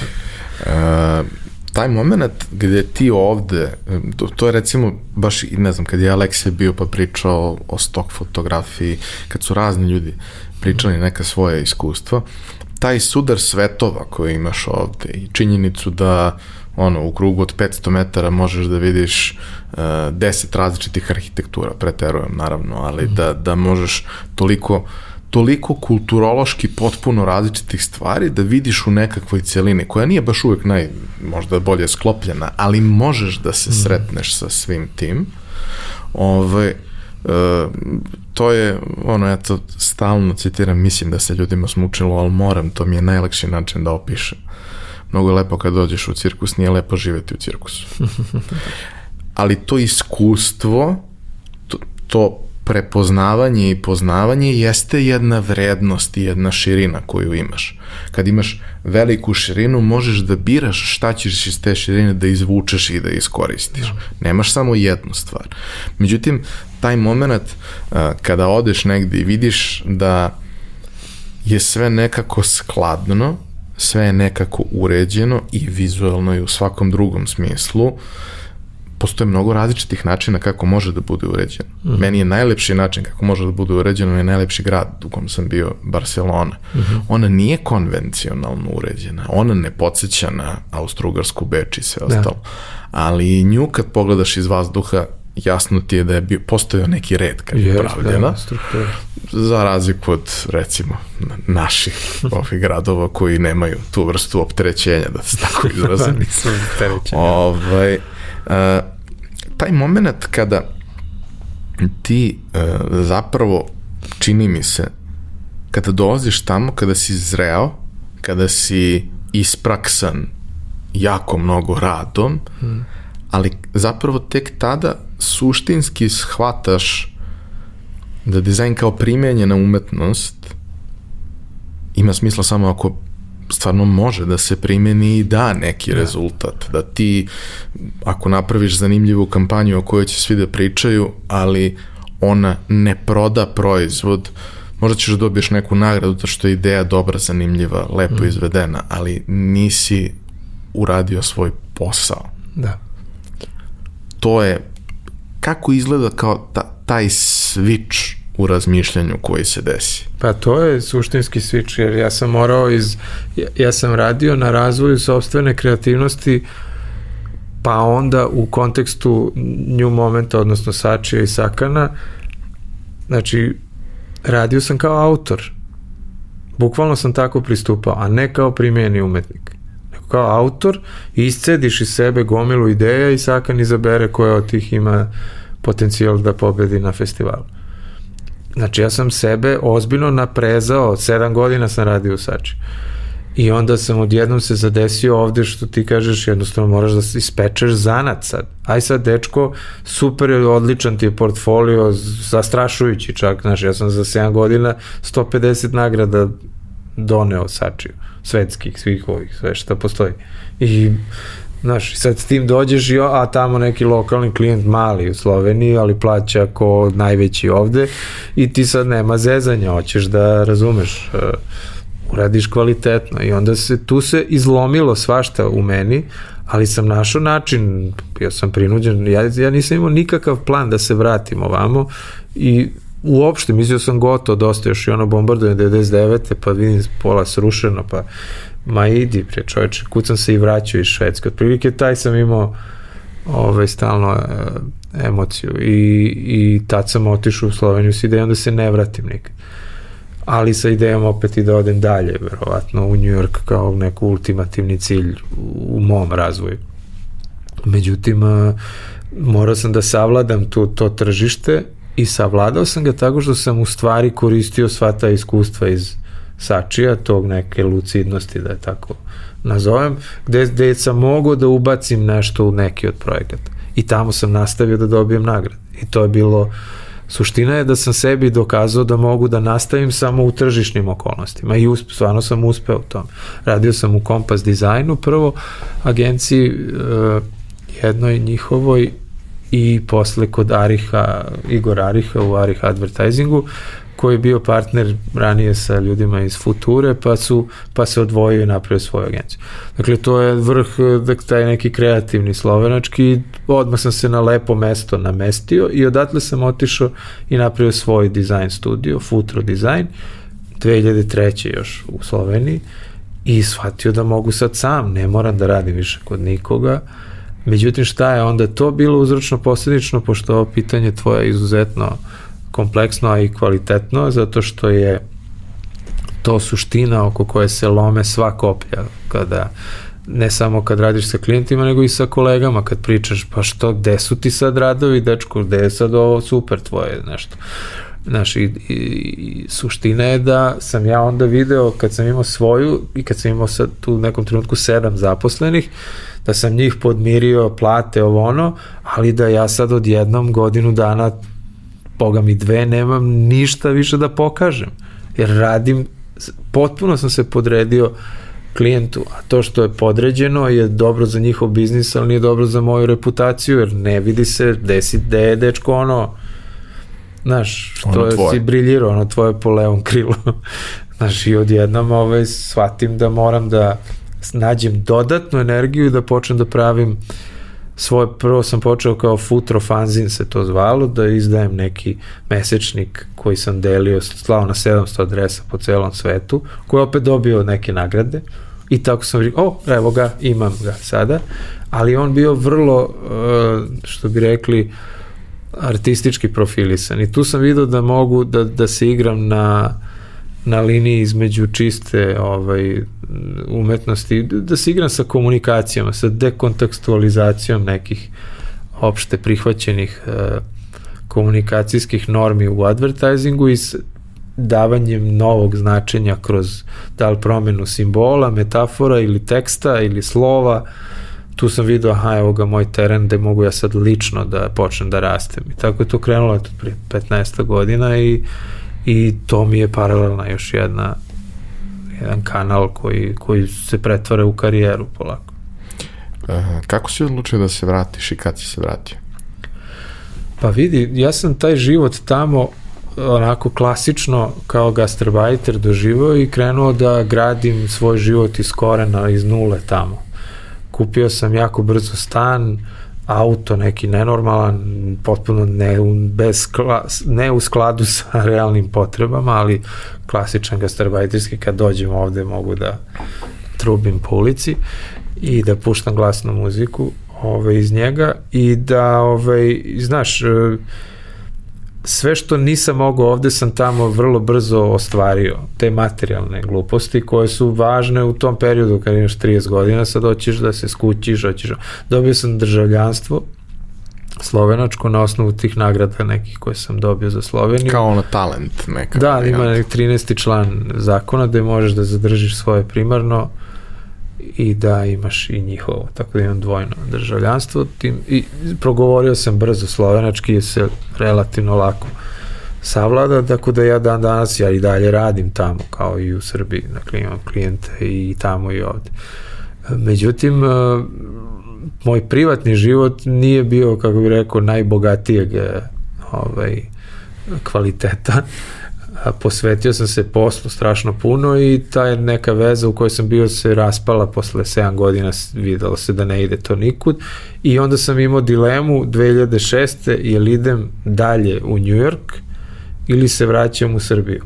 U tom trenutku sam u Srbiji par meseci ranije otvorio registrovao firmu i zaposlio sedmora sam već imao zaposlenih, sad imam sedam tamo, sedam vamo, a hoću u New York, hoće duša tamo da proba, da živi, da I odem kod Mirka Ilića, ovaj, odem na mesec dana, iznajmim stan tamo, ponesem puno para koje sam jako brzo sve potrošio, jer sam rekao, e sad idemo do kraja u New York, ili ćemo da živimo ovde ili nećemo. I, ovaj, i obiđem par uh, biroa nekih uh, dizajnerskih, Mirko me upozna sa par ljudi i šta je najvažnije, dobio sam ponudu da budem ovaj, partner u jednoj od tih super dizajn studiju, dakle imao sam objektivno kako da odem i da živim, dakle ne poziv, nego partnerstvo. Ali ovaj, Uh, I otišao sam da po ovim časopisima dizajnerskim, grafis, ne znam, print, uh, communication, uh -huh. i mhm. tako dalje, to sam se raspitao, oni su rekli, pa već smo pisali o tebi, Ja kažem da, ali ako biste mogli možda, evo sad sam ja došao, pa ako baš bi bilo zgodno za moju karijeru da nešto se napiše o tom transferu između Evrope, on. Kaže, pa nama ovde svaki dan dolazi 10.000 takvih ko ti i kao tebi smo već pisali zanimljivi si nam bio tamo jer je kontekst drugačiji iz ratom razrušenog Balkana, dobijaš tolke nagrade. I, ovaj, I onda ja shvatim da, aha, meni sad treba, imao sam 37 godina i rekao, treba mi jedno 5 godina najmanje da legnem na rudu i da, ne, i da radim u partnerstvu s nekim, a ovamo sam gaz da imam 14 zaposlenih u dve države i, i plus sam se i uplašio u stvari da, me, da će me izazov Njujorka u tom momentu kad sam raskino sa devojkom, a da budem solo u Njujorku, vidi, to u tom trenutku nije bilo ni malo izgledno da je za mene mesto tamo.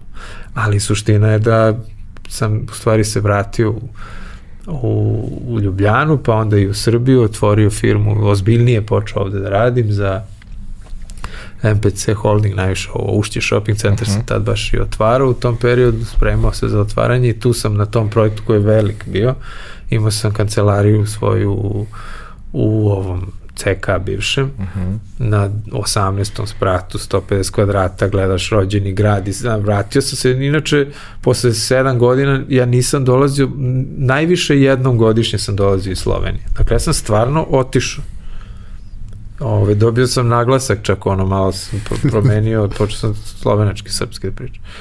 Tako da ove, nis, nije to bilo planski, ali eto, počeo sam se češće vraćam i onda upoznao svoju olju i, i tu više nije bilo govora o, o daljim odlascima negde drugde.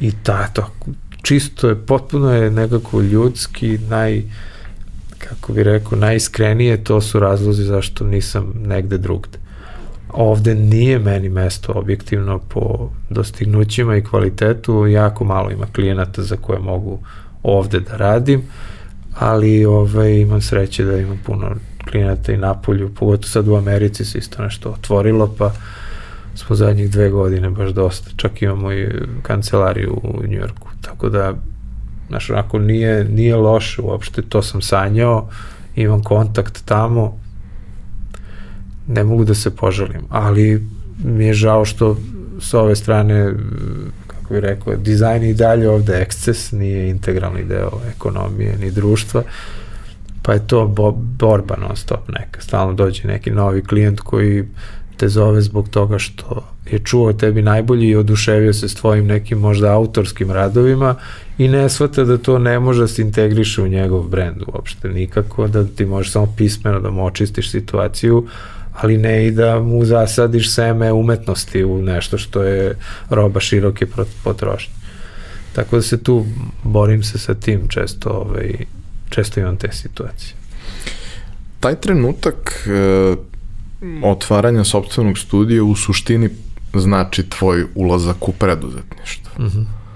A, potpuno je drugačije kada radiš za nekog i kada radiš za sebe, ali to što radiš za sebe je jedna stvar, ali druga stvar je da ti snosiš svu odgovornost i za yes. sebe i za te neke druge ljude koje si ti birao i zapošljavao. Uh, koliko je tebi taj prelazak, ta promena, transformacija, šta je ona, da kažemo, najviše uh, izazvala u tebi i kod tebe? Pa najviše izazvala taj e, produbljeni osjećaj odgovornosti koji kod mene bio neprirodan zato što nikad nisam bio u toj situaciji. Bio sam do, do tada samo za sebe odgovoran i toliki je bio fokus na mom razvoju uh, moje. Kao kad pređeš iz individualnog sporta, iz tenisa, sad treba da igraš futbol. 11 ora. Odjedno vas ima 11 orica. Kod Novak Đoković sad kad bi došao da igra u Zvezdi i nema Đokovića više. Malo ga vidiš kad dobije loptu. Znači, ili eventualno kad da izjavu posle za kraj posle utakmice.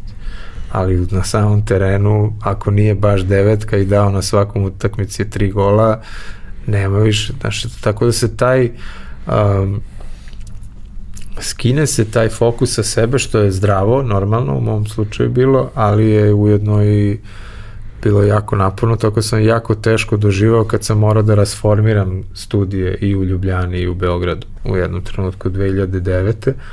se zbog e, ekonomskih ovih e, promena da, desilo da sam, da sam morao da zatvorim oba studija. Svi klijenti su se povukli, mo, nisam imao platiča, sam uzao kredit koji sam prošle godine tek vratio, kredit za nekoliko meseci za plate za sve, sve zaposlene. Toliko, hoću kažem, mogu sam da ne uzmem taj kredit, da zatvorim firmu, nego, eto, to je taj intenzitet odgovornosti jer su loša vremena, pa kako će sad svi, znaš, i ti uđeš u ulogu koju možda i ne moraš toliko baš da sad budeš revnostan, ali šta da radiš to, sve škola neka životna. Tako da sam stvari sada potpuno drugačije postavio od kad predajem na akademiji ove, imam, kako bi rekao, ulaz u, u najmlađe ove talente i najbolje i onda te koji, koji su spremni da rade od 9 do 5, a nekad i više, ove, do, dovodim u studiju i rade najtalentovaniji studenti moji, koji su spremni da šljakaju. Jer ima puno talentovanih kojima nije jasno da mora svaki dan da se radi, recimo, uopšte radije bi se zezali u tim godinama još ako žive kod roditelja sa 23-4 godine, šta sad ima onda, što bi ginuo kod mene. Tako kod mene su uglavnom deca, odnosno mladi koji su ili došli u Beograd od negde ili su iz nekih, da kažem, oboda beogradskih, gde, gde nema zezanja, bre, ima da radiš, i znaju, ima etiku tu od kuće. Nisu razmaženi ovi što radi kod mene. Um, kaži mi, ako bi sad pravio nekakav presek tvoje karijere, koji projekti na kojima si radio tebi najviše znače? Ne možda da su oni imali najvećeg efekta na tvoju reputaciju, karijeru, imidž i sve ostalo, ali oni koje pamtiš da su tebi bili najvažniji što si ih radio? Znaš šta, ja, ja najviše radim vizualne identitete i logotipe i ambalaže. Znači, to je ono zašto sam se školovao još od srednje škole.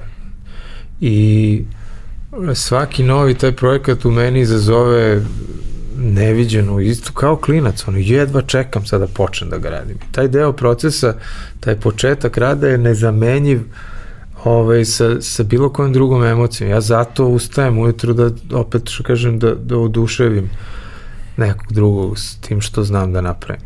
Tako da je taj deo procesa za mene najintenzivniji, najvažniji. Sve ovo dalje, vođenje i šta ostaje za tobom u tom projektu je naravno, kako bi rekao, važno je. Naravno da je važno još ako je uspešno i ako to traje dugogodišnji neki da se održava neki identitet kako treba, ništa slađe od toga nema. Međutim, ja sam 2008. sa Oljom mojom na, dobili smo Nađu, čerku i onda sam Nađa otvorila novo jedno područje kreativnosti koje je postojalo, bilo je tu stalno, ja sam znao da crtam, počeo sam kao ilustrator, mislio sam da ću biti strip crtač i tako, ali se vremenom u, u Švedskoj se to zamenilo sa, sa nekako grafičkim dizajnom koji mi je išao lakše i I onda kako se ona rodila i, i dodatno se skinuo fokus sa mene lično i, i više i više sam počeo radim stvari koje drugim ljudima ovaj, nešto mogu da znači. I njoj sam nacrtao za, za rođendan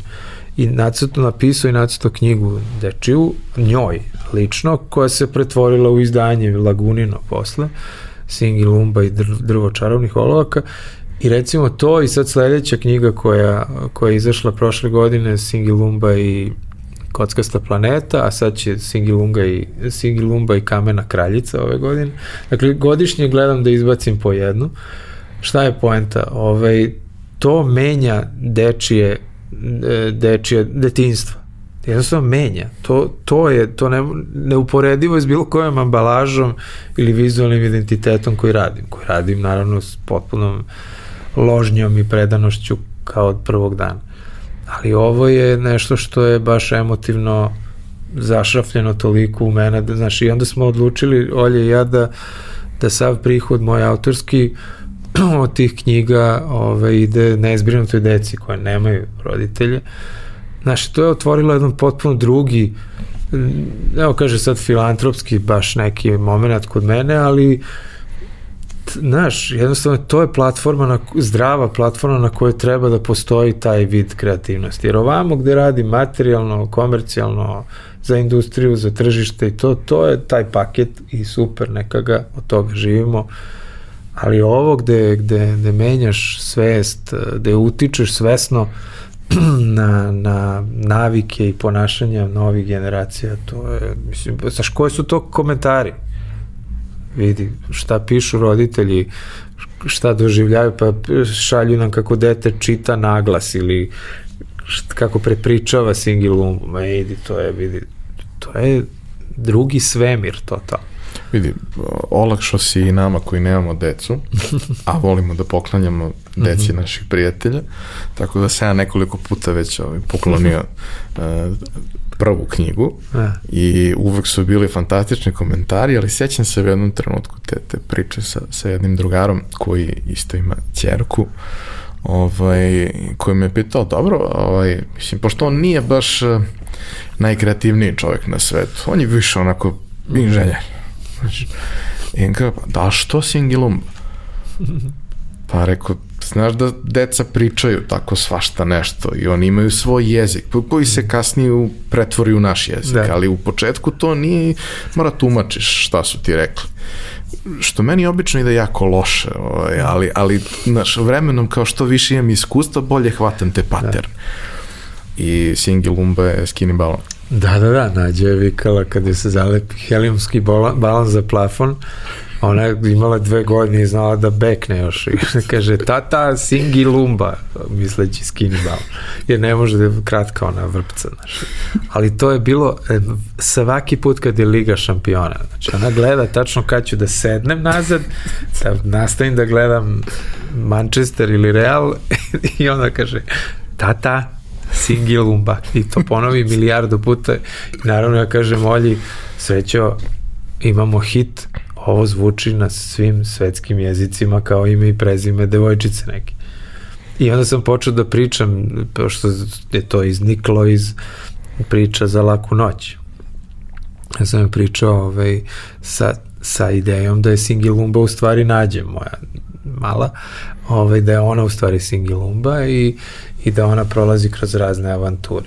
Fora je s tim što je Nađa sama insistirala da Singi Lumba u stvari pomaže stalno nekom drugom. Dakle, to je, ne znam odakle je to, ali eto, to je, to je jedino radovalo da ako Singi Lumba nekom pomogne i reši neki problem, njoj je to bilo onda najsrećnija bude na kraju te priče. Ako Singi Lumba samo ispadne, ne znam, pametna, to je nešto to neki mislim ne znam dete to da rašlani ali ja znam po pričama po strukturu jer ja sam šta je bilo ja sam morao jer sam tada radio puno za gorenje u, u Sloveniji pa sam putovo ovaj, non stop ponekad i dva put nedeljno u istom danu odem u Velenje, to je na 6 sati od Beograda i vratim se, isti dan, samo ostanem malo na sastanku i vratim.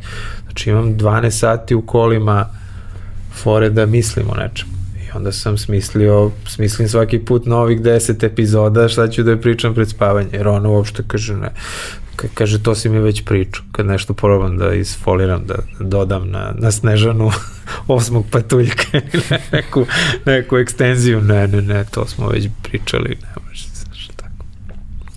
A, ono što vidimo u prethodnom periodu, prethodnih, po moje procene, nekih dve godine, je možda, možda i malo duže kroz, kroz druge oblike uh, i da si ti reaktivirao i Futro kao brand. Uh mhm. -huh i da postoji Futro merchandise. Kad si došao, vidio si da sam ja dobio na poklon i ne. nećemo sad da ponavljamo šta sam rekao vezano za to, ali hvala ove moje dragoj Ani koja mi je to kupila, mhm. ali uh, ulazak u, u merchandise kao i prva knjiga pa i verovatno svaka naredna uh mhm. To je taj trenutak kada ok, imao si ti tu sreću da, da neke svoje proizvode koje smisl, odnosno koje dizajniraš, držiš u rukama.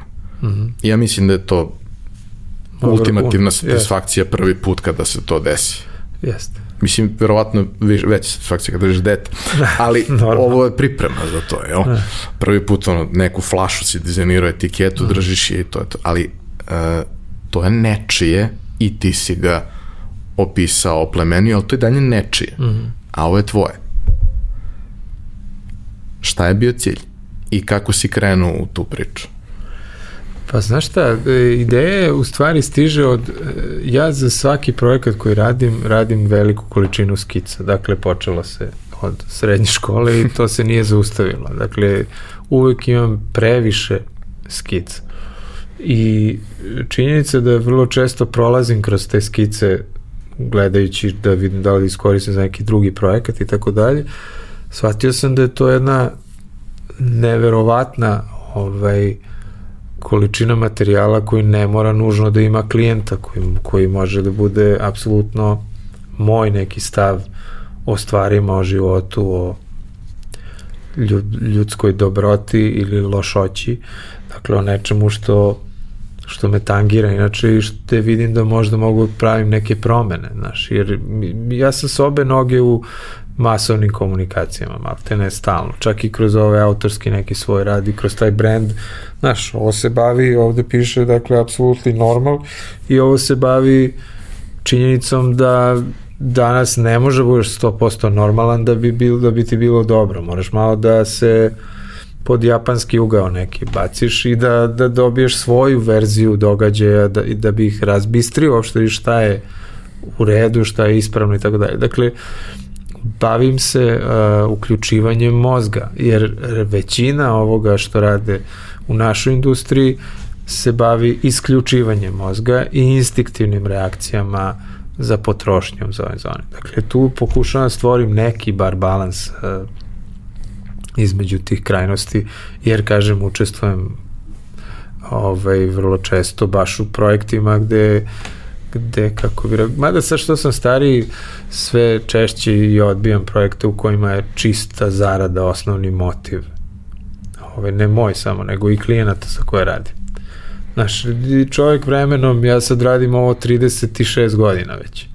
Znaš, nema sad baš mnogo još miliona godina kojima ću ovim, ovim da se bavim da bi mogo da sad kažem ima vremena počeću kasnije da biram klijente. Znaš, tako da koliko klijenti mene biraju, toliko i ja njih i tu nalazim neku ipak satisfakciju.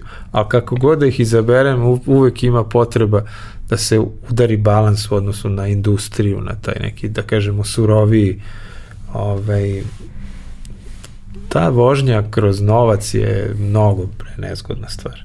Pogotovo za ljude koji su krhki kreativci koji ne znaju to da iznesu to. Znaš, to slama ljude posle akademije, recimo ne mogu da ovo što sam ti spomenuo malo pre, tako divnih, talentovanih klinaca ima od kojih pola odustanu zato što ne mogu da se nose sa tim drajvom da je novac neka, neki faktor. Ja sam shvatio jedan moment uh, i on je došao sa uh, digitalizacijom svega i tom tim nekim fokusom na, na internet koji je vrlo često primarni kanal kroz koji nešto ide, pa onda to sve ima svoje adaptacije da. i kroz print i kroz sve ostalo. Problem sa, sa digitalnom je što mnogo lako mogu stvari da se zamene, mnogo često, mnogo brzo mogu da se menjaju. Ti kad imaš mm -hmm. billboard, možda ćeš da imaš nekad neku teaser kampanju, pa svaku noć stavljate novi print jer se odbrojava, ne znam, 10 dana. Da. Ali generalno to se ovde desi jednom u 5 godina za nešto. Na digitalu je hiperprodukcija svega konstantna. Ti kad da. radiš 3-4 ono FMCG brenda, da. ti svaki dan dizajniraš nekakve postove, storije, nešto da, da bi to bilo kako treba. I to samelje čoveka. Mm. Ne možeš, ono, svi mi koji jesmo neki kreativci, ti možeš da budeš ono, eh, nakon mnogo prakse, treninga, kondicije, možeš da budeš kreativan on demand. Mm ali ako ti neko traži da budeš 10 puta dnevno kreativan od dement svaki dan 365 dana, to je kao da ti stavi onaj štapni mikser u glavu i potroši se čovek. Jest. Mnogo brzo se potroši i čini mi se ono, ranije da to nije bilo toliko i da ne spališ toliko brzo mladu osobu kao što je to danas slučaj, jer danas ti imaš jedan, jednu kompaniju koja izabere za svoj krovni brand agenciju, mm. krovni brand ima 15 proizvoda. Svaki proizvod je brand za sebe. Ajde, kod yes. nekih je to, ne znam, 2% mesečno, pa nije strašno. Mm. Kod nekih je 30. I neko to sve mora da uradi i to je užasno velika potrošnja. Jeste. A e, životni vek toga je manje od 24 sata. Pa da, najviše nedelju dan.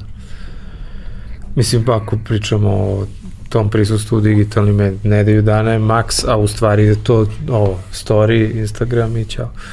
Ali mi, mi to radimo isto jako puno i to rade najviše moji mladi pod mojim instrukcijama. Uh, važno je da ima neko ko nije opterećen i realizacijom, pa da on daje ideju.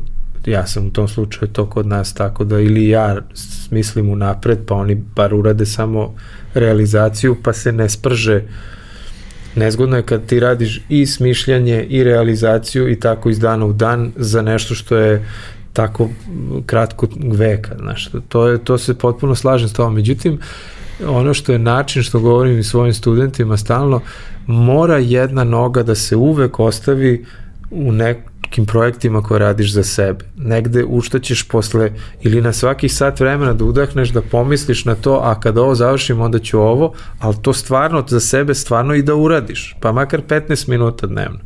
Šta god to bilo, da si smislio novu majicu, kao što kod mene sad u studiju svi, pošto ja radim majice, sad su svi oni hoće koćale da budu, razumeš?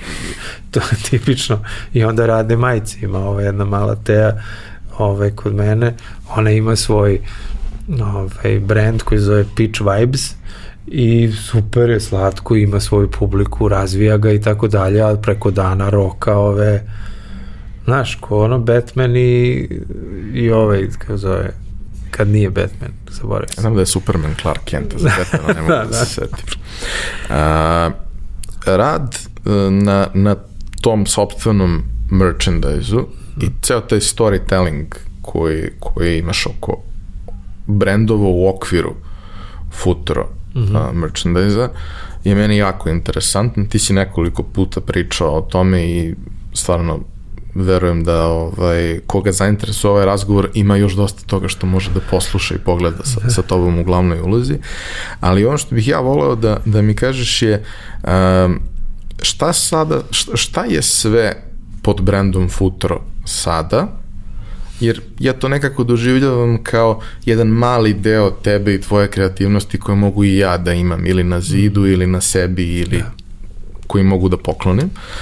Šta e, trenutno sve e, radite i gde ljudi to mogu da sretnu pupe i sve ostalo?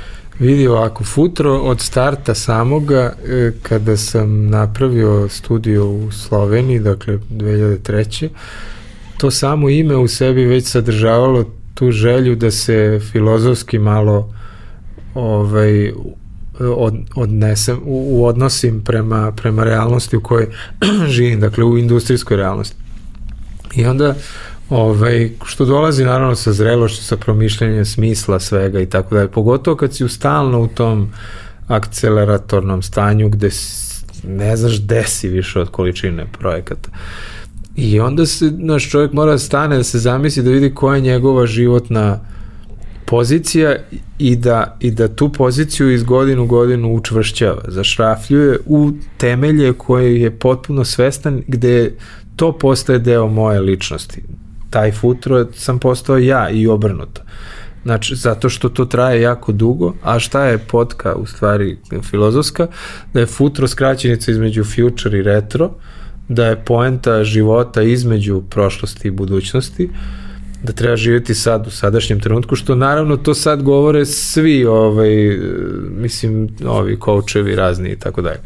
Ali to, znaš, ja sam to stvarno osvestio sam, jer sam imao problem u Sloveniji, imao sam nevrovatno uspešnu prošlost, koju sam morao iz nule da, da stvorim novu, znači morao sam da verujem u novu budućnost, a vremenom sam video da ja u stvari sad u ovom momentu radim ko konj.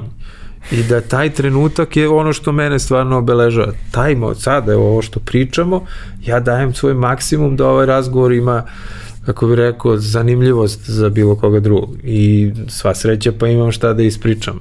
Ali, kažem ti, veoma sam svestan toga i to je počelo pre 15 godina i sve sam, razumeš, sve više idem u ovom nekom, ne mogu kažem spiritualnom smeru, ali sve više gledam stvari sa širokog nekog aspekta. I zato je i Futuro jedna jako široka platforma. Mislim, to dolazi sa zrelošću, odnosno zrelost po meni je uh, sposobnost sagledavanja šire slike. Eto, to u tih par reči. To je bukvalno nešto što pokušavam svojim studentima isto. Jer oni imaju onaj sniper vision trenutno, gledaju tu jednu jedinu stvar, taj font koji su izabrali, isto tako da li taj dečko zvao ili nije zvao sinoć. Razumeš, samo taj problem je najveći na svetu i nema ništa drugo ne postoji. Da li je privatno ili je poslovno, I, i samo ta, ta sposobnost da ti pogledaš malo šire, pa malo šire, pa malo šire, uštedi po 10 godina nekim ljudima. To, dakle, to je nešto na čemu najviše radim paralelno s tim što im dajem ko bi rekao, neke stručne savete i znanja neka koje su neminovno na moje strani, pa moram, moram da ih prenesem normalno. Ali tu, tu vidim prostor i samim tim tako isto želim da tu sliku širu nudim i svima drugima, ne samo svojim studentima, nego svima koji mogu u tome nekako da vide da se identifikuju s tim. I zato Futuro ima popriličan uspeh, mi jako dobro ovo prodajemo, jer ima ljudi koji misle svojom glavom, nije ovo zemlja e, poslušnih e, istomišljenika, nego naprotiv ima samo nemaju, kako bi rekao, um, jako malo stvari se nudi koje su, jer se smatra smaranjem sve što je, znači uklj, isklj. Razumeš? I ja, ja stvarno ne verujem u, to.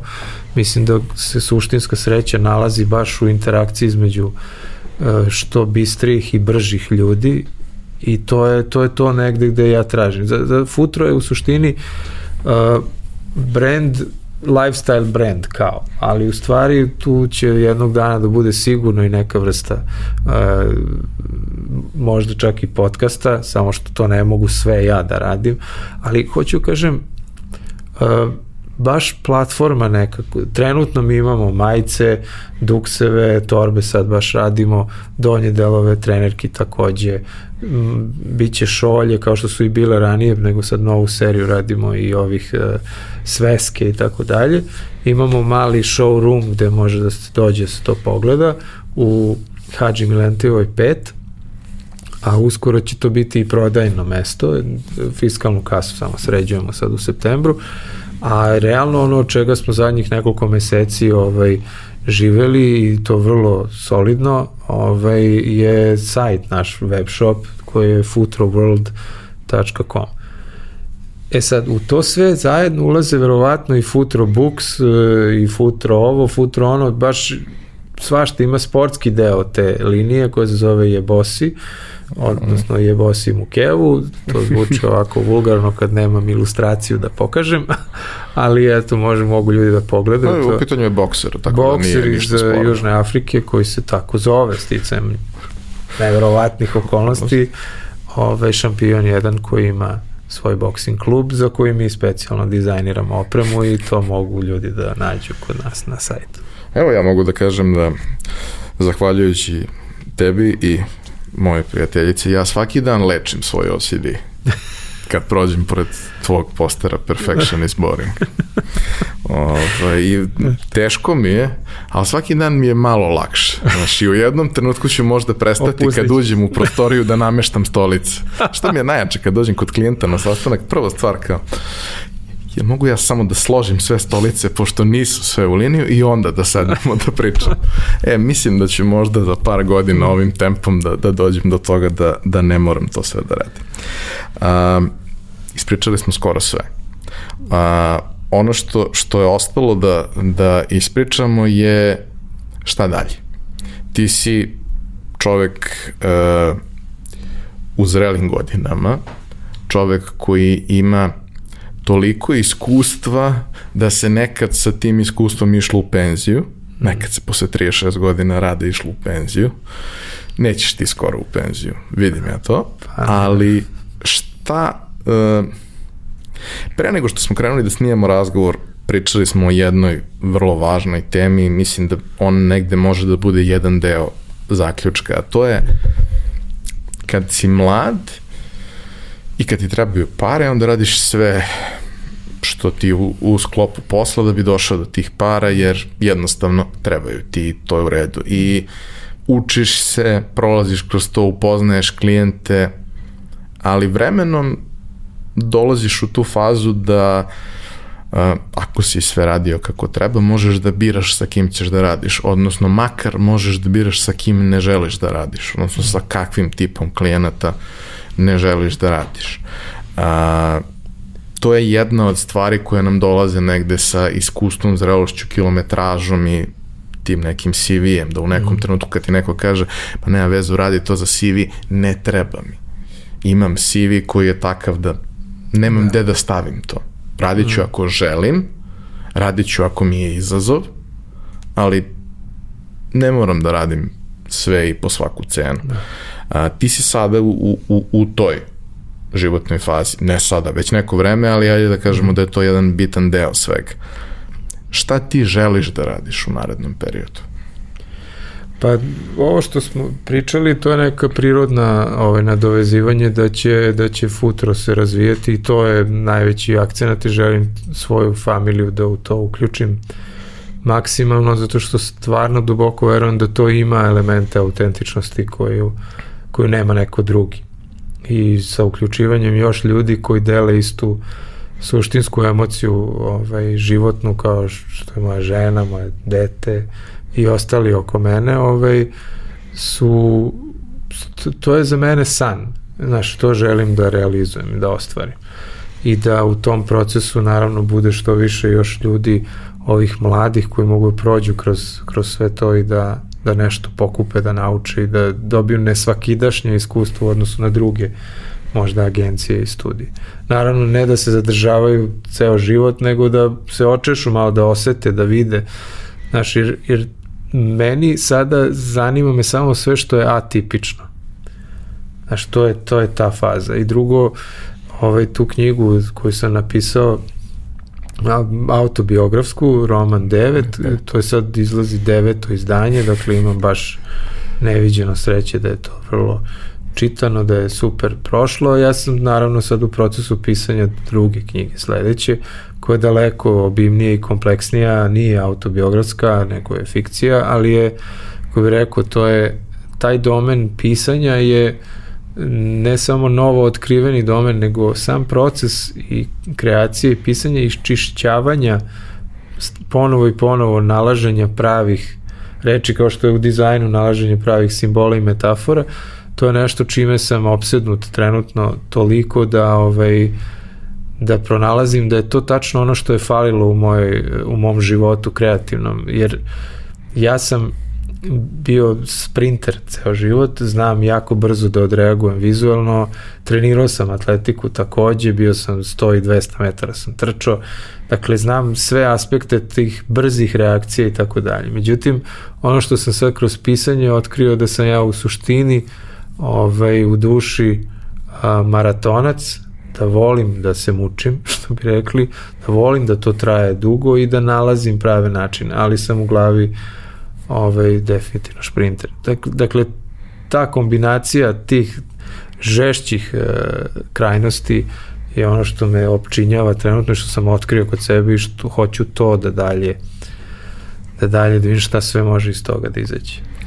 Moram za kraj da te pitam još jednu stvar i evo neću više, ali ta jedna stvar je meni bilo mnogo važna. Pre nekoliko godina ti si objavio onaj status na Facebooku kad si završio fakultet. Uh,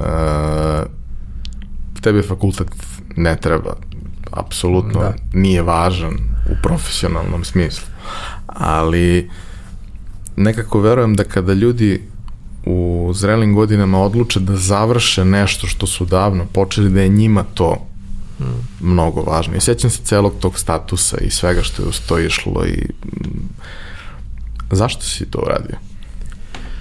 Pa znaš šta, uh, za, prvo zašto sam završio ili zašto sam objavio status? Zašto si završio, zašto da. si se vratio? Uh, zato što sam video da nisam dovršio svoj životni san, nisam odsanjao do kraja, a dete je počelo da raste i da uviđa da tata nešto nije završio, pogotovo ako je san. Znaš, moj životni san je bio da upišem akademiju i da je završim. I ovaj, ne samo zato što nisam neki primer za nju, nego suštinski sam osjećao da mi je nedovršena neka priča, ostala ne mojom toliko krivicom. Naravno, ja sam sam odlučio da odem u Švedsku i ko mi je kriv kad nisam hteo da idem na ratište, na primer. Znaš, to će da kaže neko, ali s druge strane, ovaj, ja sam sebe ceo život video u još nekom, kako bih rekao, u tom periodu, uh, koje sada, sada zbog tehnologije mi imamo osjećaj, možemo da imamo osjećaj da živimo i radimo bilo gde drugde, znaš, kad preko interneta, to tad jednostavno nisi mogao i priroda je bila, reakcija prirodna je bila da se skloniš odatle i da nastaviš da gradiš svoj talent negde drugde. Tako da taj, naš razlozi zašto posle kad sam uš, ja sam upisao akademiju ponovo u Ljubljani, Slovenačku akademiju sam upisao krenuo na par predavanja i vidio da ne mogu, imam previše posla, velika mi je firma već bila, nisam mogu kako sad studiranje.